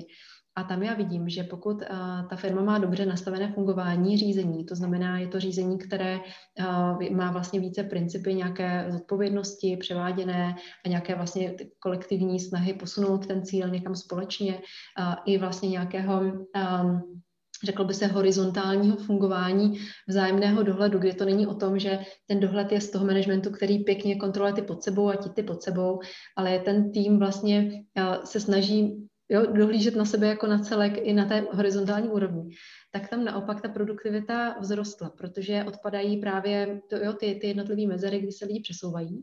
A pokud ten člověk jako cítí takovou tu spolu, spolu zodpovědnost, osobní zodpovědnost za, za ten nejlepší výsledek, a i jako cítí jakoby to, toho týmového ducha, že on nechce jako ten tým v tom nechat, a, tak tak naopak ta produktivita vzrostla v těch firmách, kde je více ten takový ten spádový, taková ta orchestrace, jo? že ten manažer řekne tomu, co má dělat a teďka sedí nad ním skutečně, jestli to dělá a, a ten člověk teďka mu vlastně unikl z dohledu, a tak tam skutečně se stává, že se ale projevují negativní symptomy toho, že možná tento způsob řízení v tady těch kreativních odvětvích, a, tak už je přežitý. Jo? Je, je čas skutečně zvážit, jestli, jestli ten, ten způsob řízení tak, tak není, není dobrý přehodnotit. Mm-hmm. Vladimíre, jste chtěl reagovat ještě? Jo, jo, já velmi rychle taky, jako tam byl ještě dotaz na náklady, my jsme se tím taky zabývali, aby jsem řekl rovnou za nás, uh, za firmy, ale je to o tom, že uh, jak rostou například náklady lidem doma, tak taky jim klesají náklady právě na cestu do práce a podobně. To znamená, uh, souhlasím s tím, že trh si s tím poradí a, a bude vidět vlastně, jak, jak jednotlivé firmy k tomu přistoupí. My taky jako to vyhodnocujeme celkem a díváme se na to z těchto dvou pohledů a v rámci ušetřeného času. Co se týče, co se týče jako kontroly práce nebo důvěry, naprosto souhlas jako s tím, co tady zaznělo, protože já, a, ale doplním ještě jednu věc, která, která je pro mě někdy fascinující a to je to, že někteří lidi mají neuvěřitelný způsob, jako jak vám velmi lehoučko dát vědět, že vlastně pracují. A nejenom o tom, že je to jako ta vertikální kontrola, o které to bylo, ale prostě máte, jste stoprocentně bez pochyb, že ty lidi prostě odevzdávají svoji práci a dávají někdy, alebo někdy, často i víc. A prostě jenom chci říct, že i, i, ten, i ten reporting, i to celé, jak vlastně ta komunita na tom projektu funguje, protože taky rozumím jako nejvíc tomuto, tak vlastně vidíte, kdo pracuje, kdo nepracuje a ta, a ta společnost, vlastně to, to, to malé kloubko vlastně lidí, anebo velké, které pracuje na tom daném projektu, tak já si myslím, že a přesně potrhuji toto, co tady bylo řečeno, ta, ta malá společnost, ta společenstvo vyhodí samo toho, kdo nepracuje, protože oni vidí, že potom, když je ten úkol, který má deadline, který má nějaký termín, není kvůli tomu, že někdo se fláka právě protože si seče trávník nebo něco podobného, tak oni to vědí. A oni sami si prostě rozhodují o tom, že koho mezi sebe pak vezmou.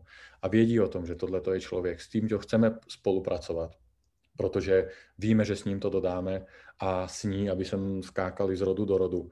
A nechci říkat, že s dámou to nedodáme, ale prostě jenom tak to mi to vyšlo. Ale je to, že prostě s ním, nebo s ní to dodáme, s ním, nebo s ní to nedodáme. Takže je to i z toho důvodu, tak to podle mě jako hrozně hezky to může fungovat. A my například tam, já bych jako hrozně varoval před tím, co i nám se jednu chvilku stávalo, že na základě toho, že pár lidí máte pocit, že nepracují, potom vlastně jít po celém, po celém home office jako po celku. Je to vidět u mnoha firm, že vlastně firmy prostě přijdou, vědí, že pár lidí se jim tam fláka. Neřeší jednotlivce, ale řeší právě jako home office a kontrolu. A budete dělat tohleto na home office a budeme vám dívat se na počítače, budeme dělat vlastně každý dvě minuty mi napíšete sms že pracujete a tak dál a tak dál. Čiže vlastně, co my jsme se naučili jako za tu chvilku, jako my jedeme asi 4,5 roku nebo 5 let home office. A je to v tom, že nikdy prostě neřešit home office plošně, anebo nedodržení pravidel neřešit plošně. Vždycky je to o tom vyřešit daného jednotlivce, zdali se tam něco dělo, nebo se tam něco nedělo, kvůli čemu se stalo to a to. Ale home office jako takový rozhodně není něco, co, eh, co by vadilo. Často si myslím, že lidi i v tehdy v práci utíkali domů, když měli práci, kterou se potřebovali soustředit.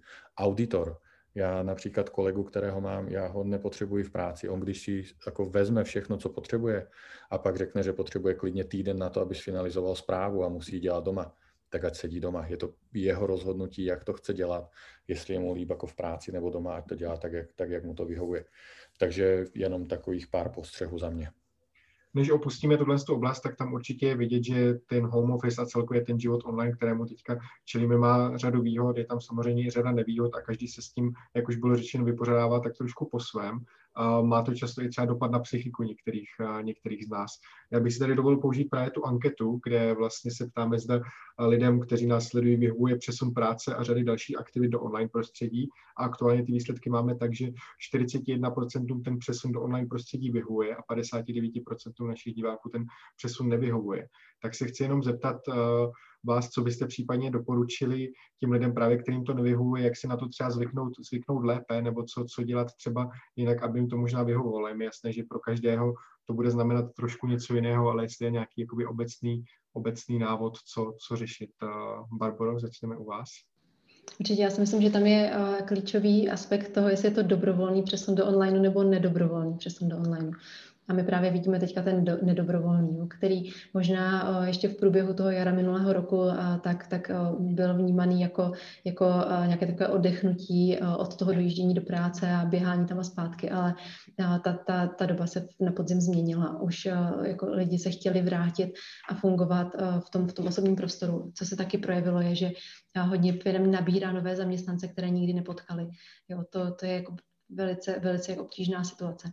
Tak co jim, co jim poradit, tak to záleží skutečně na každém, na každém jednotlivci uh, samotným, jo, co je to, co je pro něj palčivý. Já si myslím, že určitě vymezit si nějaký prostor i na, tu, i na ten odpočinek pro ty, kteří pracují hodně, a případně ten soustředěný prostor na práci, pokud se lidem nedaří a tu, tu práci doma udělat. Vždycky je to o tom identifikovat ty frustrace, jako v čem je ta frustrace, proč mi to nevyhovuje, umět si pojmenovat.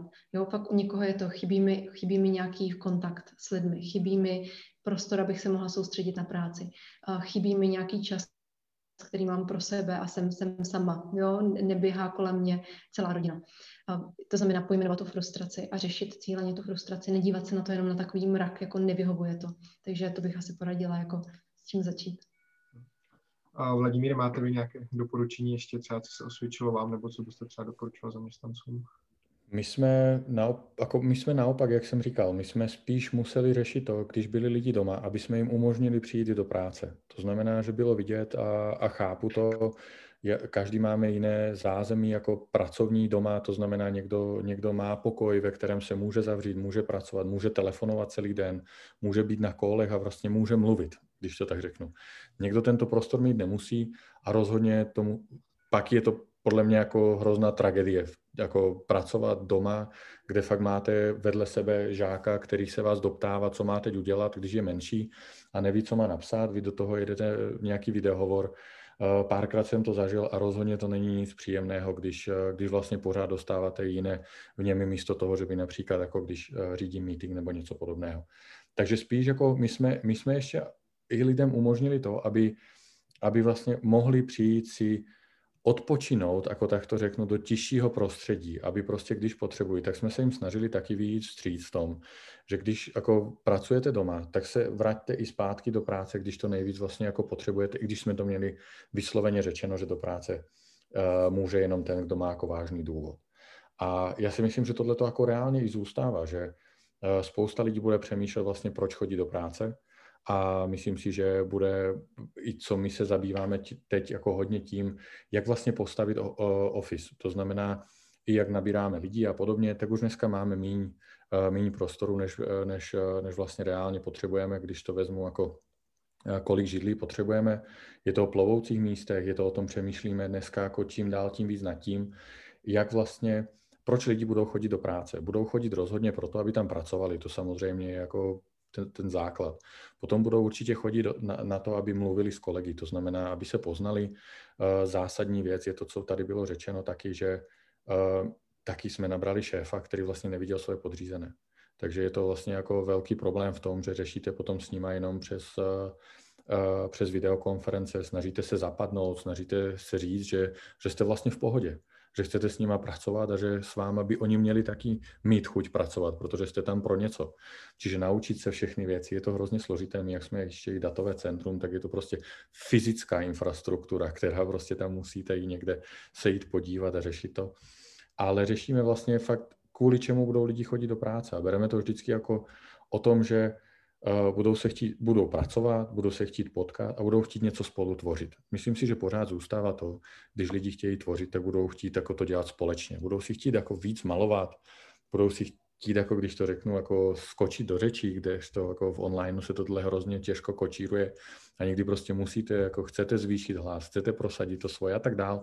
Takže hledáme jako ty případy užití nebo use case, když to řeknu, Eh, aby jsme, jim, aby jsme dodali vlastně zaměstnancům to, aby se jim pracovalo dobře potom ještě i v práci. To znamená, jak motivovat lidi na home office je hrozně složité, jako z toho si myslím, jako spíš ze, ze, ze zázemí a co všechno musí ten daný člověk v průběhu dne řešit, eh, když například má děti doma. Marceli, chcete vy něco ještě doplnit, nějaký tip jenom ve stručnosti, jestli vás něco napadne, jak to zvládat lépe, pokud to lidem úplně nevyhovuje doma na onlineu? Já si myslím, eh, že to velmi dobře popsala Barbara, to znamená eh, prostě jít po těch eh, konkrétních identifik, snažit se identifikovat ty konkrétní věci, které mi nevyhovují a jít po nich. Mně osobně, já když balancuju, tak mě to taky spíš nevyhovuje. Já bych přeci jenom radši byl fyzicky v tom parlamentu a měl možnost se s těma lidma potkat, ale prostě musím to teda řešit nějak jinak a je, je pochopitelný, že v některých oblastech Eh, je to vlastně příjemný, eh, to online prostředí, protože je mnohem efektivnější, eh, ale pro některé věci prostě se to strašně špatně nahrazuje, ale je potřeba si najít nějaký způsob třeba, jak ty věci úplně jinak dělat. Jo, není to jenom nahrazení ty konkrétní činnosti, ale třeba úplně změnit, úplně změnit ten celý proces toho fungování, jak, jak třeba tu danou, danou věc řešit. Jinak jsem chtěl ještě říct jednu věc a to je to, že vlastně oni některý z těch eh, problémů jako nejsou úplně nový. Jo? Třeba to, že um, firma vezme šéfa do nějakého týmu a on se s tím svým týmem vlastně ani jako nevidí, tak to třeba u těch mezinárodních společností není tak úplně novinka. Jo? Uh, prostě můžete mít uh, tady uh, šéfa v České republice, který um, řídí lidi, kteří jsou ve Spojeném království, v, ve Spojených státech a tak dále. Ale typicky ty firmy na to právě um, mají ty instrumenty, že třeba v nějakým rozumném čase, třeba třech měsíců, tak udělají nějaký uh, team building nebo něco, kde ty lidi všechny pošlou na jedno místo, protože to zvýší efektivitu toho, toho týmu. A tohle jsou přesně právě ty věci, které v tím pandemii je potřeba překonávat nějakým jiným způsobem, protože tohle prostě není, není možné udělat po dobu víceméně už jednoho roku a prostě ten způsob se musí najít jiný, nedívat se na to tak, že ono to je jenom pár měsíců a pak se to překoná, ale prostě najít už teď tuhle tu chvíli nějaký způsob, jak to překonat. Mhm. Pane Judoch? Velmi rychlá reakce k tomu, co bylo tady řečeno, a to je ano, eh, fungovalo to a bylo to bez problému, ale když jste měl pocit jako šéf, že potřebujete zasáhnout, potřebujete se dostavit na to místo, tak jste nemusel čekat, nemusel jste jako prostě to vůbec řešit. Sednul někdo jako do letadla, do auta, prostě zašel za tím svým týmem a dokázali si to jako vykecat na tom místě. To znamená, jako fakt někdy potřebujete ty lidi jako svést na jedno místo, hlavně když je nějaká vypjatá atmosféra, velmi náročný projekt nebo cokoliv. A, a tohle to chybí podle mě. I těm lidem chybí, aby si to vypindali, když to tak řeknu, jako na místě, aby prostě přišli a řekli všechny ty emoce, které, které prostě v tu danou chvilku v tom projektu jsou.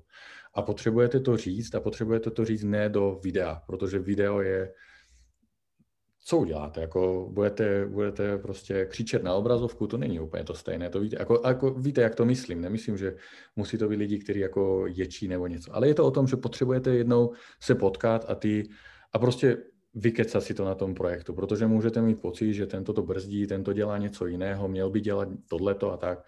A tohle to podle mě chybí. Mně tohle to rozhodně jako chybí nejvíc, jako ty, ty lidi vzít na jedno místo, říct si prostě, jak to bude, co bude a, a párkrát jsme to museli takto udělat. Když bychom se zaměřili na tu digitální zprávu, která samozřejmě byla tu a stále je tu situací aktuální dost popoháněna, tak pane Zulio, co byste vnímal jako aktuální úspěchy právě digitalizace státní zprávy, třeba v očích veřejnosti, nebo v tom, jak to vnímáte vy, co jsou ty úspěchy největší teďka, které by bylo hodné jmenovat? Za mě největší úspěch, že to už nikdo nemůže spochybňovat. Nikdo nemůže říct, že, ani, že digitalizace státní zprávy je něco, co, co nemá akcelerovat, co nemá prostě jít úplně naplno, co se oplatí podcenit a, a, a neřešit. Takže tohle je za mě asi největší, největší věc, která, která se udělala. Eh, lidi, jak to vnímám, tak začali být velmi nároční to znamená, začali vnímat jako služby poskytované státem, začali vnímat, zda jsou dostatečné, nedostatečné. Sami to vidíte, když, eh, když padne nějaký systém, teď jak toho bylo víc, tak vlastně se to neodpouští, prostě absolutně. Nevím, jak by to bylo za, za minulých dob, jestli, jestli by to bylo Neříkám, že by se nad tím kývlo rukou, ale, ale říkám, že teď vnímám jako ohromný tlak na to, aby i státní zpráva se posouvala, takže spíš asi, asi nejvíc tohleto. Ale tady bych se vrátil, co bylo řečeno uh, i ohledně toho, jak, uh, jak všichni byli zvyklí a, a jsou pořád a vidíme to i v tom, když je služba dostupná online. Není to nejenom tím, že služba je špatná, nebo se o ní málo ví, nebo se o ní neví, ale lidi často mají rádi, když jedou na finanční úřad, mají rádi ten fyzický kontakt, mají rádi to, že někdo to od nich převezme a mají rádi to, že jim někdo řekne, že máte to v pořádku. A tehdy prostě odcházíte i s tím svým daňovým přiznáním, na které máte razítko a říkáte si tak výborně, jednak jsem si splnil povinnost a druhá vím, že je to v pořádku. Takže ještě, co si spoustu lidí začalo uvědomovat, tak je to, že tak, jak se umíme postarat o lidi v offline prostředí, to znamená, když přijedou někde na úřad, tak bude velmi, tak je nutné již dneska se postarat i v online prostředí. To znamená, když vám někdo odevzdá daňové přiznání, potřebujete říct, že je to v pořádku. Když vám někdo prostě něco, něco udělá, nějakou službu, tak musíte mu říct, že je to v pořádku. Musíte prostě být schopen přijmout jeho podnět, či už je to přes call centrum, či už je to přes chat nebo přes cokoliv. A je to to, co možná se vnímá jako běžně, ale ve státní správě tohle to rozhodně nebylo, protože jako primárním obslužným kanálem bylo vždy, vždycky vnímáno, že se jede na ten daný úřad, tam se identifikují, dám svůj občanský průkaz nebo nějaký jiný identifikátor a. Teď si všichni začínají uvědomovat další věc, že vlastně chci, dě, chci být online, chci dělat, ale když to vezmu na lidi a nemám identitu, tak vlastně co, jak to mám dělat? Pro nás, kdo nemá identitu, je to úplně stejné jako v bance. Kdo nemá identitu, není zákazníkem vlastně v online. Musí jít na pobočku, musí si to vyřešit na pobočce, je to u nás úplně stejně. To znamená, lidi začínají se daleko víc zajímat, jak vlastně funguje identita, jak funguje prostě, uh, jak, jak fungují vlastně služby. A myslím si, že je to super a že to tím, jak se zvyšuje dneska tlak na kvalitu služeb a na dodávku služeb, tak nám to vlastně pomáhá i v tom, i v té realizaci a, a v tom, že eh, všichni vlastně vnímají nutnost digitalizace. A dneska je velmi ještě za mě velmi důležité, že skončila diskuze o tom, jestli slepice nebo vejce, to znamená, jestli nejdřív mít digitální identitu a pak služby, nebo nejdřív mít služby a pak vlastně lidem dát digitální identitu, tak tohle to končí, protože máme zákon, eh, teda pardon, jak se přijal zákon o, o bankách, tak vlastně bankovní identitou každý, kdo má banku, každý, kdo má uh, účet, tak až skončí celý tento proces, který začal prvního první a skončí, velmi předpokládáme, že všechny banky po, po tom, co dostanou certifikaci do, v první polovině roku, tak každý, kdo má tento účet, tak se bude moct přihlásit ke službám státu. A tímto krokem jsme se vlastně dostali mezi ty privilegované země, které bankovní identitu můžou používat. Takže rozhodně na tohleto já jsem velmi hrdý, že se to povedlo. Jsem rád, že banky do toho šly taky po hlavě s námi a že, a že jsme to dotáhli do zdárného konce a že to dává smysl jim. Pane Kolejo, co vy vnímáte naopak jako největší neúspěchy digitalizace české státní zprávy, když se na to podíváte ze svého pohledu? No tak um, um, tady už byly zmíněny ty různé padající systémy. Jo? Já bych řekl, že, um, uh, že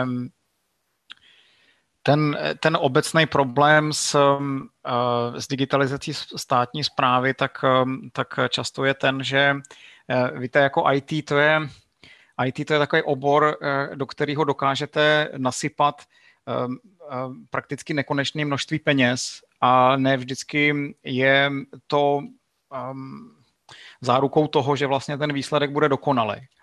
A to si myslím, že se nám pořád v té veřejné správě úplně nedaří, takže potom, potom prostě dochází k tomu, že tamhle nějaký systém skolabuje, protože je přetížený, eh, nebo eh, tamhle prostě nějaký hekři napadnou, napadnou nějaký systém a to si myslím, že je něco, co určitě eh, je potřeba zlepšit. A potom si taky nejsem úplně jistý, jestli vlastně v tom procesu digitalizace dostatečně v té veřejné správě vnímáme to, že, um, že není um, vždycky to správné řešení, to, že se vezme prostě ten, ten proces, kterým se něco zpracovává v té papírové podobě a ten proces se prostě jenom digitalizuje, ale že často je potřeba se podívat na ten, na, na ten proces toho oběhu třeba toho dokumentu nebo něčeho takového uh, jako, jako takovej a ten proces třeba úplně kompletně překopat, protože prostě v té digitální formě Eh, to, co probíhalo, jak ta procedura byla v té papírové formě, prostě nedává smysl. A, a tam jako úplně se mi nezdá, že by, eh, že by to ve všech aspektech takhle jsme respektovali a je to něco, na, na co bychom se měli zaměřit a možná k tomu dokáže spíš pan Zurila právě doplnit, doplnit víc, protože on se těma těma věcma zabývá mnohem víc do detailů ve, ve své pozici. A jestli já bych si něco přál, tak je, tak je to, aby právě pan Zurila měl třeba pardon, měl třeba větší pravomoce ve, jaksi na, na, na té své pozici, kdy potom vlastně ty, ty, ty rezorty jednotlivý budou mnohem víc vázáni těmi výsledky práce pana Zurily. Mhm. Pane Jodel, hlásíte se o slovo, tak můžete. Jo, já jenom velmi v krátkosti, aby jsem... Uh, ono to hrozně bolí, samozřejmě, jako celá, celá, celá ta změna, která, která začala ve státní správě a která, uh, která teď probíhá. Ono, když si vezmete, jak to, jak, jak to je a jak to bylo. Uh, předtím jste měli nějakého dvorného dodavatele, který vám prostě dodával, měli jste nějaký kontrakt, dlouhodobý kontrakt, přišla, e, přišla nějaká legislativní změna, ta změna se velmi jednoduše s tím jedným dodavatelem dodala, on všechno vlastně udělal business analýzu, nasadil, otestoval a fungovalo to. Dneska, co se děje jako dlouhodobě, tak vlastně vznikají sdílené služby governmentu, to znamená právě proto, aby ten government byl proklientský, aby, aby to nebylo všechno o tom, že každý jeden rezort si řeší všechno sám, tak je to o tom, že vznikají sdílené služby. Dneska nikoho nemůže už napadnout, že si vytvoří svoji vlastní identitu. Nikoho nemůže napadnout prostě, že vytvoří datovou schránku a, ne, a, a další a mohl bych pokračovat dál. Takže z tohoto pohledu vlastně všechny rezorty dneska musí přemýšlet nad tím, že mám nějakou agendu, ale uh, musím ji vlastně zajistit tak, že napíšu něco pro toho nového dodavatele, když budu například jako Eh, dělat, já nevím, systém na zprávu billboardu, aby se něco rychle vymyslel, tak prostě přesto, když budu chtít jako uh, se k té dané agendě, je to, je to národní identita. Když budu chtít jako prostě řešit uh, napojení na portál občana, je tam portál občana. Když tam bude něco posílání nějakých služeb, je to datová schránka. Je tam nějaká bezpečnost. A, a jsou tam open data samozřejmě, to znamená, že chci něco dát ven. Už to je o tom, že musím spolupracovat musím rozumět. To znamená, ty rezorty musí při, přijmout to, že se taky jako transformují na to, aby měli know-how k tomu, aby to mohli dělat. My se jim snažíme s tím pomoct tím, že budujeme kompetenční centrum v Nakitu, které bude schopno vlastně pokrýt daleko víc ve veřejné správě, ale, ale jak říkám, je to dlouhodobý proces, je to velká změna. Eh, odbor hlavního architekta dneska i my vlastně ve spolupráci Roman Verba, který má na starosti government ty biznisové stránky, a jako Nakit, který jsme jako hodně dodavatele, tak vlastně začínáme tvořit takovou jako centrální autoritu, která, která tohle to všechno vlastně řeší. Jednak jsou to standardy na začátku, co musí udělat, ale i k tomu se musíme vrátit, jestli toto, co reálně se nasadilo, jestli to došlo, uh, jestli je to tak, jak to má být. A potom je to, co, co si myslím, že jako hodně chybí a začínáme jako ve velkém teď i vzhledem na okolnosti, které jsou. Je to zpětná vazba, Je to o tom, že když někomu se něco nepovede, tak řekne, proč se to nepovedlo, aby ostatním se tohle už nestávalo. Když se někomu naopak něco velmi povede, tak to řekne, na základě toho to může být využito i někde jinde. Takže, takže v tomto se snažíme teď co nejvíc zamáknout, aby, aby se tohle nestávalo. A padající systém, jako ono každý říká, jako je to digitalizace a podobně, když si vezmete jako ty tři věci, které se staly, tak dvě velmi podobné chyby, špatně otestovaná aplikace, to znamená nějaké zacyklení v databázích, to je asi teď jedno, a přehlcení a na jednu stranu aspoň rozumně odstraněno, to znamená v nějakém rozumném čase, že to není o tom, že padne aplikace a je prostě měsíc, aby jsem nepřeháněl, prostě čtyři dní je dolů. Je to o tom, že se odstraní chyba, nasadí, to znamená, vidím v tomto aspoň dobrý posun, že to není na nějakou dlouhou dobu. Nemělo by se to stávat, nechci to tímto vůbec omlouvat, nemá se to stávat, má to být dotestováno a v nějakém pilotu zjištěno a má to fungovat od úplného začátku, protože lidi si zaslouží, aby tyhle ty služby fungovaly úplně perfektně. A takže, takže to je jedna věc. A potom to bylo, uh, to bylo vlastně očkování, kde jsme podcenili vlastně tehdy SMSky, uh, které se uh, neposílaly úplně, úplně rychle kvůli úzkému hrdlu.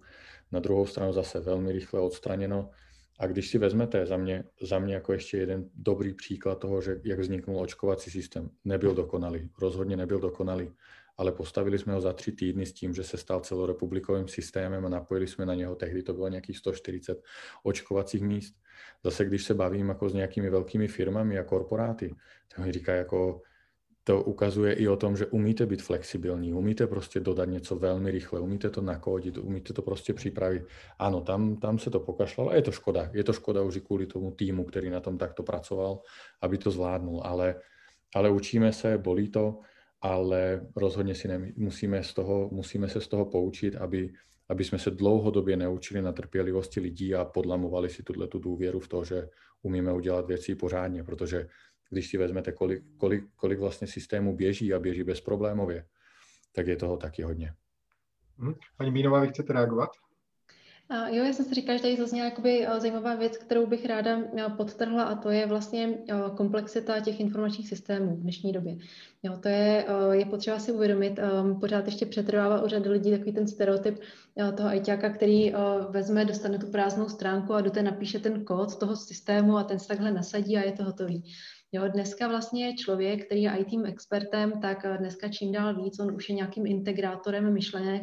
Je to člověk, který musí hlavně mít uh, velice dobře vyvinuté uh, myšlení vlastně dopadu všech možných kroků, které v rámci toho systému vznikají a to dopadu jak na ty klasické jako parametry, výkonnost toho systému, spolehlivost, bezpečnost, uh, tak i na jeho udržovatelnost, testovatelnost a potom na ty právě psychologické a možná i etické dopady, jo? že vlastně v tom týmu vy ideálně potřebujete lidi, kteří dokáží promyslet právě ten user experience toho člověka, který ten systém užívá, právě třeba toho, že eh, to, tomu systému důvěřuje, že chápe, pokud ten systém zrovna teďka nereaguje, tak proč to je, a že to, je, že to je cílená věc a není to chyba v tom systému.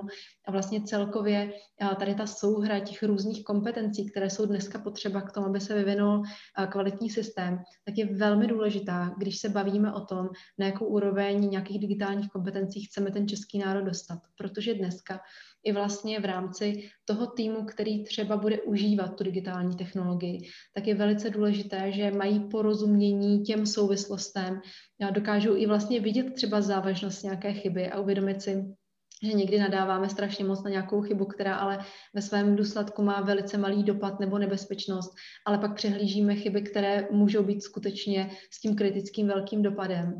A potom druhá věc, která je důležitá, a tím chci udělat takovou jakoby výzvu celkově do té české společnosti, veďte svoje děti k tomu, aby, aby se mezi nimi uh, tak profilovali další, kteří do toho IT budou chtít přispívat, i když nejsou tím typickým člověkem, který by chtěl jenom řešit ten jeden konkrétní program. Jo, když mají zájem o, o psychologii, mají zájem o věci, které jsou skutečně jako průřezové, protože přesně tady ty typy osobností my v tom IT dneska potřebujeme a, a proto jsem ráda, že v Čekytas aspoň se snažíme je trošku dolívat do toho systému. Jo, lidi, kteří mají trošku jiný pohled, jiný mindset, protože v rámci tady těch jakoby mozku, když se nám potkají na jednom místě, tak se právě mnohem lépe odchytávají a predikují ty problémy, které můžou potom v reálu uh, zís, uh, jako nastat. Jo, mnohem lépe, než když máme na, u toho stolu všechny ajťáky, kteří jsou všichni přemýšlí nad tím stejně, každý se dívá velice cíleně jenom na ten výsledek, kterého chtějí dosáhnout. A jo, ono je velice prospěšné, když tomu týmu přijde ke stolu někdo, kdo prostě položí pár otázek a trošku rozbije, rozbije tu, ten souhlas, aby jsme dokázali víc vychytat všechny ty souvislosti, které tam jsou. Takže trošku jakoby podpořit to, že, že uh, i jestli máte děti, které jsou fakt talentované na různé aspekty, tak je takový potřebujeme v IT. Děkuji. Pane Kolejo, Tereza Smekalová se s ohledem na, to, na ty probírané problémy, které už tady byly, ať už je to právě třeba digitální, nebo ta digitalizace těch dálničních známek, nebo právě teďka třeba to sčítání obyvatelstva a tak podobně, tak se ptá, jestli si myslíte, že může vlastně, můžou tyto problémy a nějak ovlivnit důvěru obyvatelstva právě vůči té státní a vůči té digitalizaci státní zprávy a případně co bys, byste udělal nebo co byste doporučoval udělat, aby se podobné problémy neopakovaly. Jestli máte vy na to nějaké doporučení v rychlosti, pane Kolejo? Eh, no tak eh, eh, samozřejmě, že to, že to ten dopad může mít. Jo. A já myslím, že už tady padlo v té debatě možná trošičku jinak řečený, ale ehm, že ehm, Češi jsou hodně takový rejpalové. Ehm, a, a je v každém případě, když, když prostě dochází k takovýmhle, k takovýmhle nedostatkům třeba v těch eh, informačních systémech, tak, eh, tak to prostě nese v těch lidech nějaký, nějaký následky, že se prostě na to, na to potom dívají třeba s větší, s větší nedůvěrou nebo si z toho dokonce jako vyloženě dělají legraci. Co, co se v to dá dělat? No, v každém případě si myslím, že je potřeba hlavně ty prostředky, které se do toho investují, efektivně, efektivně využít. Ehm, v, v rámci eh, fondu obnovy eh, mají jít 20% tady těchto těch peněz a bavíme se vlastně, když se budu bavit o České republice, tak se bavíme o 180 miliardách korun, takže z téhle částky 20% má jít na digitalizaci. A, a, a to je nějakých eh, necelých 40 miliard korun, který my vlastně dokážeme z, z, evropských, eh, z evropských peněz investovat do toho, aby právě tohleto všechno se zlepšilo. Teďka je samozřejmě důležitý to eh, správně odřídit, tak, aby ty peníze byly použitý eh, efektivně, mít prostě ten správný plán, mít eh, strategický plán, jak skutečně tu digitalizaci někam posunout, co jsou ty oblasti, vytvořit vlastně ten národní plán, co jsou ty oblasti, které je, je potřeba um, uh, posunout a správně to odřídit. Mm-hmm. Díky moc. Ještě tady teda máme jednu otázku, co se týká té digitalizace v podstatě státní zprávy, je poměrně zajímavá, tak ji použiji. Ptají se, zda, by, zda si myslíte, že vlastně je možné třeba po vzoru Estonska v České republice někdy mít systém elektronických voleb. A jestli ano, tak kdy si myslíte, že by třeba tohle teoreticky bylo reálné v České republice zavést? A poprosím vás velice, velice stručně, začneme panem Zurilou. Jo, děkuji. Já ještě, jestli se můžu na chviličku zastavit u toho předtím na pana Kolaju, tak je to o tom, že eh, z Evropy přijdou peníze, eh, rozhodně digitalizace jako celek, tam, tam se jedná i o podniky a tak dál. Eh, na de, máme 9,3 miliardy na to, aby jsme digitalizaci a to musíme zvládnout a, a právě a všechno potrhuji, co říkáte. Musí to být nastaveno úplně přesně, musíme vědět, že ty projekty dávají smysl a posunou tuhle tu a vlastně využijeme tuhle tu příležitost, kterou jsme, kterou jsme dostali v rámci, v rámci tohto, v rámci i Evropy.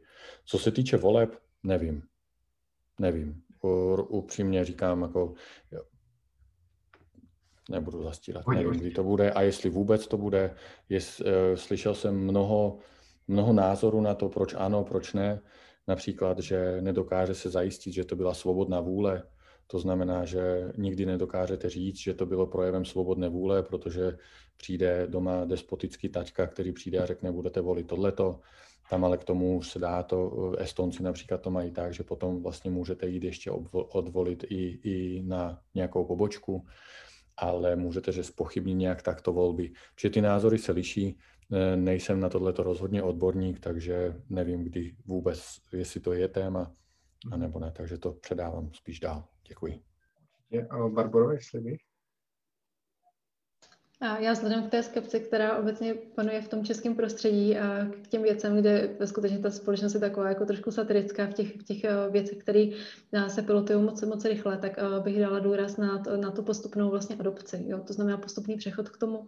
A ten může být například takový, jak to teďka zavádí Brno, protože já jsem z Brna, tak, tak volby v rámci participativního rozpočtu, to znamená, město má vyčleněnou část rozpočtu, v rámci které můžou občané spolu rozhodovat o nasměrování toho rozpočtu. Můžou nominovat projekty a vlastně v rámci, v rámci té volby, kdy máme vlastně identitu Brno ID už jako další dobu, tak můžou vlastně volit, kam se má ten daný rozpočet nasměrovat.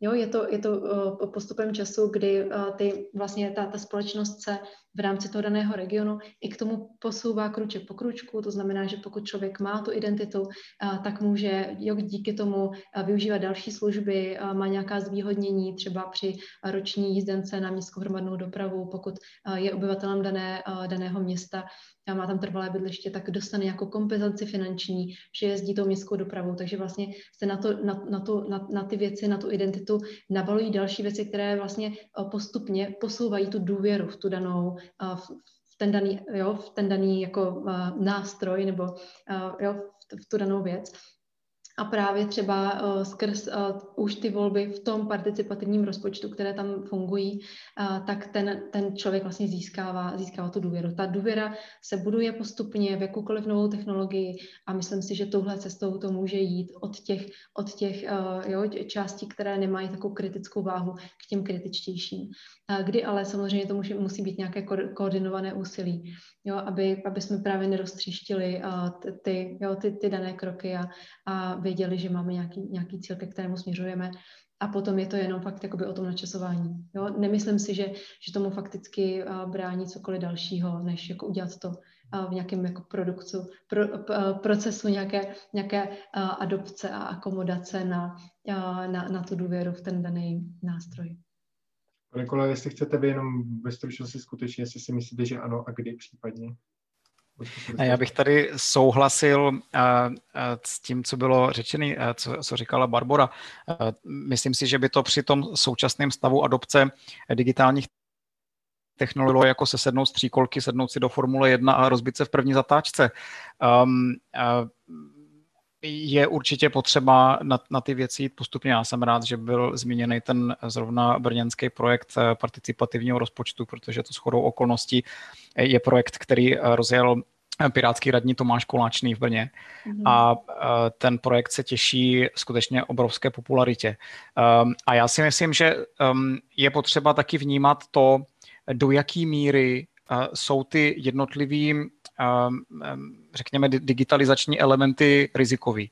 A jedna věc je rozhodovat o tom, jestli eh, prostě má někde vzniknout v městě nějaký park eh, a sbírat na to od občanů jejich, jejich názor a podporovat třeba tyhle ty projekty právě v rámci participativního rozpočtu. Jiná věc je rozhodovat o dalším směrování e, země e, tím, že jsou volby a tam samozřejmě, pokud by došlo k tomu, že by ty volby byly zmanipulované, e, tak by to byl, to byl zásadní problém vůbec z hlediska fungování celé společnosti a demokracie. A tam je tohleto potřeba mít na paměti, že pokud se tímhle tím směrem kdykoliv posuneme, tak musíme být připraveni úplně skutečně po naprosto všech stránkách a všechny ty argumenty, které jsou typu právě um, nelze zaručit, že to je svobodná volba a tak dále, tak všechny tyhle ty argumenty vlastně musí být vyargumentovaný, že uh, na to existuje způsob, jak vlastně tyhle ty rizika uh, odstranit, jinak uh, dokud tohle nebude, tak nejsme v žádném případě schopni k něčemu takovému přistoupit právě proto, aby nedošlo tady k těmhle těm haváriím. Barbaro, velice ve stručnosti. Mm, jenom velk, velmi rychlá reakce. A, a tady se jakoby projevuje určitě jakoby emoční aspekt důvěry v technologie.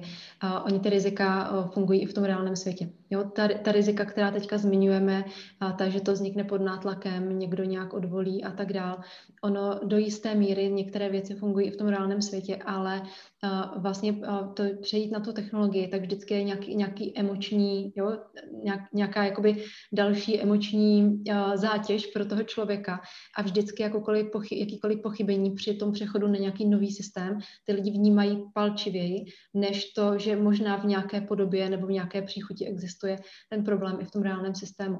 Ale s tím musíme nakládat velice, velice opatrně a proto jakoby ta postupná adopce je hodně důležitá. Mhm. Když se jenom už takhle na závěr zaměříme potom na ty nástroje na zvládání pandemie, na ty digitální nástroje, třeba právě na tu eroušku, tak se vás chci jenom zeptat, jestli vnímáte tyhle ty nástroje jako úspěšné nebo spíše neúspěšné a případně proč. A ještě k tomu přidám vlastně otázku, na kterou se ptá Zuzana Hellerová, která právě se ptá na to, jak zajistit, aby tyto digitální nástroje, jako je erouška a digitalizace obecně nediskriminovala starší generace bez příslušných kompetencí. Tak teda jak vnímáte ty nástroje, proč vlastně a jak případně se vyhnout té diskriminaci například právě třeba té starší generace. Pane Zurilo? Dobrá otázka. Já začnu erouškou, protože ta, ta slediska aplikací dneska asi je uh, nějak jako nám nejbližší z toho, co jsme, co jsme dodali teď. A ono to vzniklo moc hezky, jako nechci, eh, asi to všichni vědí, to znamená, udělalo se to dobrovolně, pak, pak vlastně to rozvíjí, rozvíjí Nakit a vzniklo to po Česko Digital a pod eh, vlastně tou iniciativou COVID-19.cz, co je zase jako, když se vrátíme k tomu, obrovský, jako hezký příklad spolupráce. To znamená, něco vzniklo v komerční sféře a pak jsme to převzali a dokážeme to dál rozvíjet. A, ale diskriminace vůči starším, ono, ono podle mě hrozně moc záleží o tom, co to má přinést. To znamená, uh, já bych bral e-roušku dneska, když jako zůstanu hodně u e-roušky, tak je to o tom, že každý, kdo ji má nainstalovanou, každý může pomoct. To znamená, ano, bude určitá skupina, která která prostě nebude mít e-roušku nainstalovanou, protože nemá počítač, alebo respektive nemá chytrý telefon, na který, na který by to dostali. A ještě i o to, o to složitější to bylo tehdy, protože to bylo jenom pro nové verze operačního systému, protože se tak rozhodl Apple a Google. Nebylo to nějaké naše rozhodnutí, my jsme často byli za to pod palbou, že jsme znovu jako buď neschopní nebo cokoliv, protože to nefunguje na starších telefonech, ale vlastně tak se rozhodli, rozhodl Apple a Google. Tady ještě drobná paralela. Podle mě jsme byli poprvé v historii lidstva, jako vel, já si to takto možná, poprvé jsem si to uvědomil, nevím jestli poprvé v historii, ale já jsem si uvědomil, že dvě globální firmy nadiktovaly státům buď tak, nebo nijak. To znamená, já jsem si to poprvé uvědomil na e-roušce. Buď si to předěláte, tak jak my jsme to měli nějak, co nefungovalo, a oni řekli, buď si to předěláte takto, anebo vám to nebude fungovat. Chcete e-roušku, libovolná krajina, budete ji mít takto. Takže pro mě jako celkem zajímavé zjištění jako z tohoto pohledu, jako vliv firem ještě i do rozhodování a do celkového, do celkového vlastně toho podtónu. Ale Nemyslím si, že vždycky budeme schopni zajistit. Není to například QR kód, který, který když eh, znova bychom se bavili o tom, protože už se hodně řeší aplikace jako zelené eh, nějaký eh, covid karta, je to ani tak to nechci volat covid karta, je to něco, čím budeme moct cestovat, je to nějaký digitální průkaz, tak můžu si doma vytisknout QR kód, to je v pohodě, ale na druhou stranu e může fungovat jenom digitálně, je to z rozhodnutí jenom těch, kteří chtějí takto fungovat a je to rozhodnutí, alebo můžou, ale myslím si, že postupně, postupně eh, tak jak vlastně ta společnost i v těch technologiích se posouvá. Dneska vidíte jako spoustu starších, kteří jako jsou bezproblémovým uživatelem iPadu, eh, i když předtím například na počítači neuměli dělat a dneska na iPadu čtou zprávy. Eh, mají smartphone, kterým aspoň si fotí vnoučata a začínají jako čím dál tím víc ho používat tak si myslím, že tato bariéra čím dál tím více bude jako zmenšovat, protože vlastně generace, která už je i dospělá, i my sami říkáme například na očkování, teď když jsme 70+, plus, tak to vnímáme jako posledná velká skupina eh, lidí, kteří vlastně potřebují velkou asistenci s, s registrací, protože nemají s tím zkušenosti. U 60 plus, to jsou například i moji rodiče, už jsou lehce nad 70 a tak, ale už moji rodiče, a to jsou lidi, kteří vyrostli v tom, že Eh, peníze chodí na bankovní účet, elektronické bankovnictví, eh, telefon a tak dále a tak dále. Takže ty nůžky si myslím, že se budou čím dál tím, eh, tím víc zmenšovat a, a lidi budou disponovat i chytrým telefonem a budou to moc používat. Paní Mírová, vy chcete doplnit teda čísla užívání technologií u starší generace a rovnou vás poprosím o vaší rychlou reakci na tu moji otázku. Určitě a já doplním ta čísla, protože je to možná zajímavé si uvědomit, že to právě ta generace 65 plus je eh, nejprogresivnější skupina v, v adopci technologií dneska v tom slova smyslu, jak procentuálně narůstá. Za posledních pět let tak se zdvojnásobil počet domácností s lidmi nad 65 let, kteří mají internet. Jo, pořád to to procento není jako obrovské, ale skutečně za pět let se zdvojnásobil. U těch chytrých telefonů, tak to je ještě trošičku, jakoby to nastupuje. V dnešní době 27% obyvatel starších 65 let mají chytrý mobilní telefon, nicméně 76% domácností, takže tam jakoby záleží na té situaci, jestli ti starší lidé aspoň mají, mají nějakou společnou domácnost s někým, kdo ten chytrý telefon užívá. Takže to je jenom k těm číslům, že a jinak skutečně tady to, tato, tato skupina tak nejprogresivněji narůstá a je to i tím, že mezi tou skupinou do 40 let, tak prakticky 97% lidí do 40 let, když vynecháme děti, tak má chytrý mobilní telefon. To za pár let přesně se nám jakoby tady to přesune i do těch, do těch vyšších věkových skupin, takže, takže to, to jenom k tomu doplnění čísel. Tak a teďka jenom k tomu, jak vlastně jako nevyčlenovat část populace, to je obtížný. Tak já bych možná to nechala u té odpovědi, která, která tady zazněla, jako dělejme, dělejme to nejlepší, co dokážeme, ale jenom protože v tom nejsme dokonalí, tak se nezastavme úplně. Jo, já si myslím, že tady taky to je jedna taková rada tomu českému národu, uh, jako být vděční za, za ty částeční řešení, ale posouvejme se dopředu. Ono, i když se posouváme menšími kroky, tak je lepší, že se posouváme, než kdyby jsme uh, stáli a říkali, že pokud nemáme dokonalé řešení, tak, tak uh, nebudeme mít nic.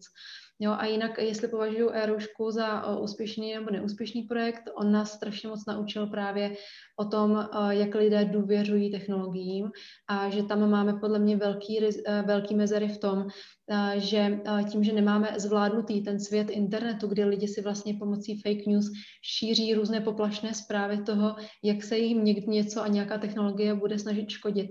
Bohužel tohle řetězově se nám šíří populací a potom nás to blokuje i v prosazování užívání technologií u těch lidí, kteří by je mohli používat a kterým skutečně ty technologie prospívají. Takže to je další věc, jako zaměřme se více na to vlastně potírání těch, těch poplašných a falešných zpráv, které vyvolávají v lidech strach, a, a, ale ne, neodůvodněný strach. A, takže to je jenom jakoby k tomu, myslím si, že jsme se hodně naučili v tom, že do tohohle potřebujeme trošku víc uh, investovat tu svoji pozornost a úsilí. Té, té, těm lidem vlastně pomoct to rozlišit tu pravdu od nepravdy a to, to děš, děšení uh, těmi poplašnými zprávami oproti uh, té, té reálné obezřetnosti, která je důležitá. Pane Zuro, velice ve stručnosti o reakci vás poprosím. Jestli chcete. Jo, velmi rychle jenom k Aerovce ještě ohledně toho, co bylo řečeno. Uh, já ještě, ještě jedno bych vyzvednul u tohoto případu, kdy vlastně autority, které se podívali jako z hlediska bezpečnosti, IT komunit a podobně, když oni byli schopni se podívat na Aeroušku, protože ten kód byl zveřejněný úplně celý, protože nic se tam neschovávalo a bylo to úplně transparentně, tak když oni se zastali, bylo úplně vidět jako úplně hezky, jak narostly čísla. To znamená v tom, že ano, začalo to přesně fake news a všechno a tam vás budou sledovat, tohle, tohle. Myslím, že nikdo neví, co, alebo respektive že nikdo, ale spousta lidí neví, co vlastně má povoleno v telefoně a co se jim sleduje v rámci telefonu. Ale Aerouška měla úplně krásný nájezd, když vlastně autority přišli a řekli, je to v pořádku aplikace. Jestli tomu nerozumíte, tak prostě neřešte, respektive neříkejte to, protože to není pravda a zastali se jí, protože si uvědomovali tento přínos a myslím si, že z toho bychom měli čerpat zase jako, jako velmi, velmi velkou inspiraci v tom, že když chceme někomu jako říct a přesvědčit ho, že jsou některé věci dobré k používání, tak jak je to identita. Banky, banky, když řeknou, že je to bezpečné, tak většina z nás důvěruje, protože tam máme peníze. To znamená, důvěřujeme bance, že se stará o naše peníze a že nám je nikdo nevezme. Tak si myslím, že tohle je přesně i ta spolupráce, kdy můžeme spolupracovat a říct, že, eh, že technologie mají smysl a jsou bezpečné z nějakého pohledu. Pane Kolejo, už jsme přetáhli čas a bych vás ochudil, tak jestli chcete ještě vy poslední reakci na tu otázku, kterou probíráme. No teďka k tomu poslednímu vyřčenému, já si myslím, že to, eh, že to právě ukazuje eh, tu sílu těch otevřených technologií, open source, toho, toho co Piráti od jak živa prosazují, protože prostě nic není lepší než ten princip show me the code. Jestli, jestliže prostě uh, um, někdo nevěří tomu, uh, ty dané technologii, uh, Eh, pokud ta technologie je uzavřená, vlastně nikdo do ní nevidí, tak vlastně ty obavy jsou, jsou vždycky z určitý míry oprávněný. Ve chvíli, kdy ten kód je otevřený a byť já sám nemusím být programátor, abych rozuměl tomu a podíval se, eh, tak eh, pokud, pokud ta odborná veřejnost, která je velmi široká, vlastně ten kód má možnost kontrolovat a řekne, že vlastně v tom nevidí žádný problém, tak je to do velké míry skutečně záruka toho, že s tou technologií žádný problémy nejsou. Um, já se zaměřím uh, hlavně na ty, COVID, na ty covidové certifikáty v, tu, v ty odpovědi na tu původní otázku. A uh, to je, to je to, že právě pro nás, uh, pro Piráty, je v tom vyjednávání, my teďka máme na stole od Evropské komise, uh, je právě jedna z těch důležitých podmínek právě to, aby bylo možné ty Eh, ty covidové certifikáty mít na papíře a aby tam z tohohle pohledu vlastně neexistovala žádná diskriminace. Um, souhlasím s tím, že ne všude lze prostě tu, ty digitální technologie jednoduše nahradit. Konec konců to je ten důvod, proč vlastně ty digitální technologie nás v efektivitě posouvají stále dál, protože prostě oni nemají žádnou vhodnou alternativu eh, často v některých případech, ale tady to prostě možný je a určitě eh, nechceme eh, docílit toho, aby lidi, kteří třeba nepracují dobře s digitálními technologiemi, tak aby byli diskriminováni tady v této oblasti. Mm-hmm. Díky moc, čas se nám bohužel nachýlil. Je vidět, že vlastně podle ankety, kterou vám teďka zveřejníme, tak podle mých posledních dat, které tady mám, tak 63% diváků nevyhovuje přesun práce z rady a dalších aktivit do online prostředí, pouze 37% vyhovuje. To téma, o kterém jsme se bavili, je opravdu velmi široké a určitě by se o tom dalo diskutovat dlouho. Já bych ještě rád potom třeba do budoucna filozofoval o tom, co vlastně z těch opatření a z těch kroků, které se zavedly během pandemie, které vydrží a jak potom vlastně bude vypadat ten náš život a pracovní povinnosti po pandemii. O tom by se určitě dalo polemizovat dlouho, bohužel na to není čas. Já vám moc děkuji, že jste nás sledovali a rád bych vás ještě, než bych to ukončil, pozval na další debatu Kafe Evropa, která se bude konat už v úterý 6. dubna po Velikonocích od 17.30 a tentokrát jejím tématem bude očkování proti koronaviru, kdy nás vrátí k normálnímu životu. Těšit se můžete například na, na Libora Grifhofera z Akademie věd nebo Petra Smejkala, který je členem Rady vlády pro zdravotní rizika, v neposlední řadě na Irenu Storovou, která je ředitelkou státního ústavu pro kontrolu léčiv. Takže už v úterý 6. dubna 18.30 opět na Facebooku Café Evropa a na dalších facebookových stránkách našich eh, partnerů. A úplně na závěr teda bych uh, samozřejmě rád poděkoval našim uh, vystupujícím, kteří se tady účastnili. Byla mezi nimi Barbara Bínová z Čekytas a Masarykovy univerzity. Díky moc za vaši účast. Díky moc za pozvání, bylo to bezvadný. Byl tady Vladimír Dzurila z úřadu vlády. Díky moc, pane Dzurilo. Děkuji moc taky za pozvání.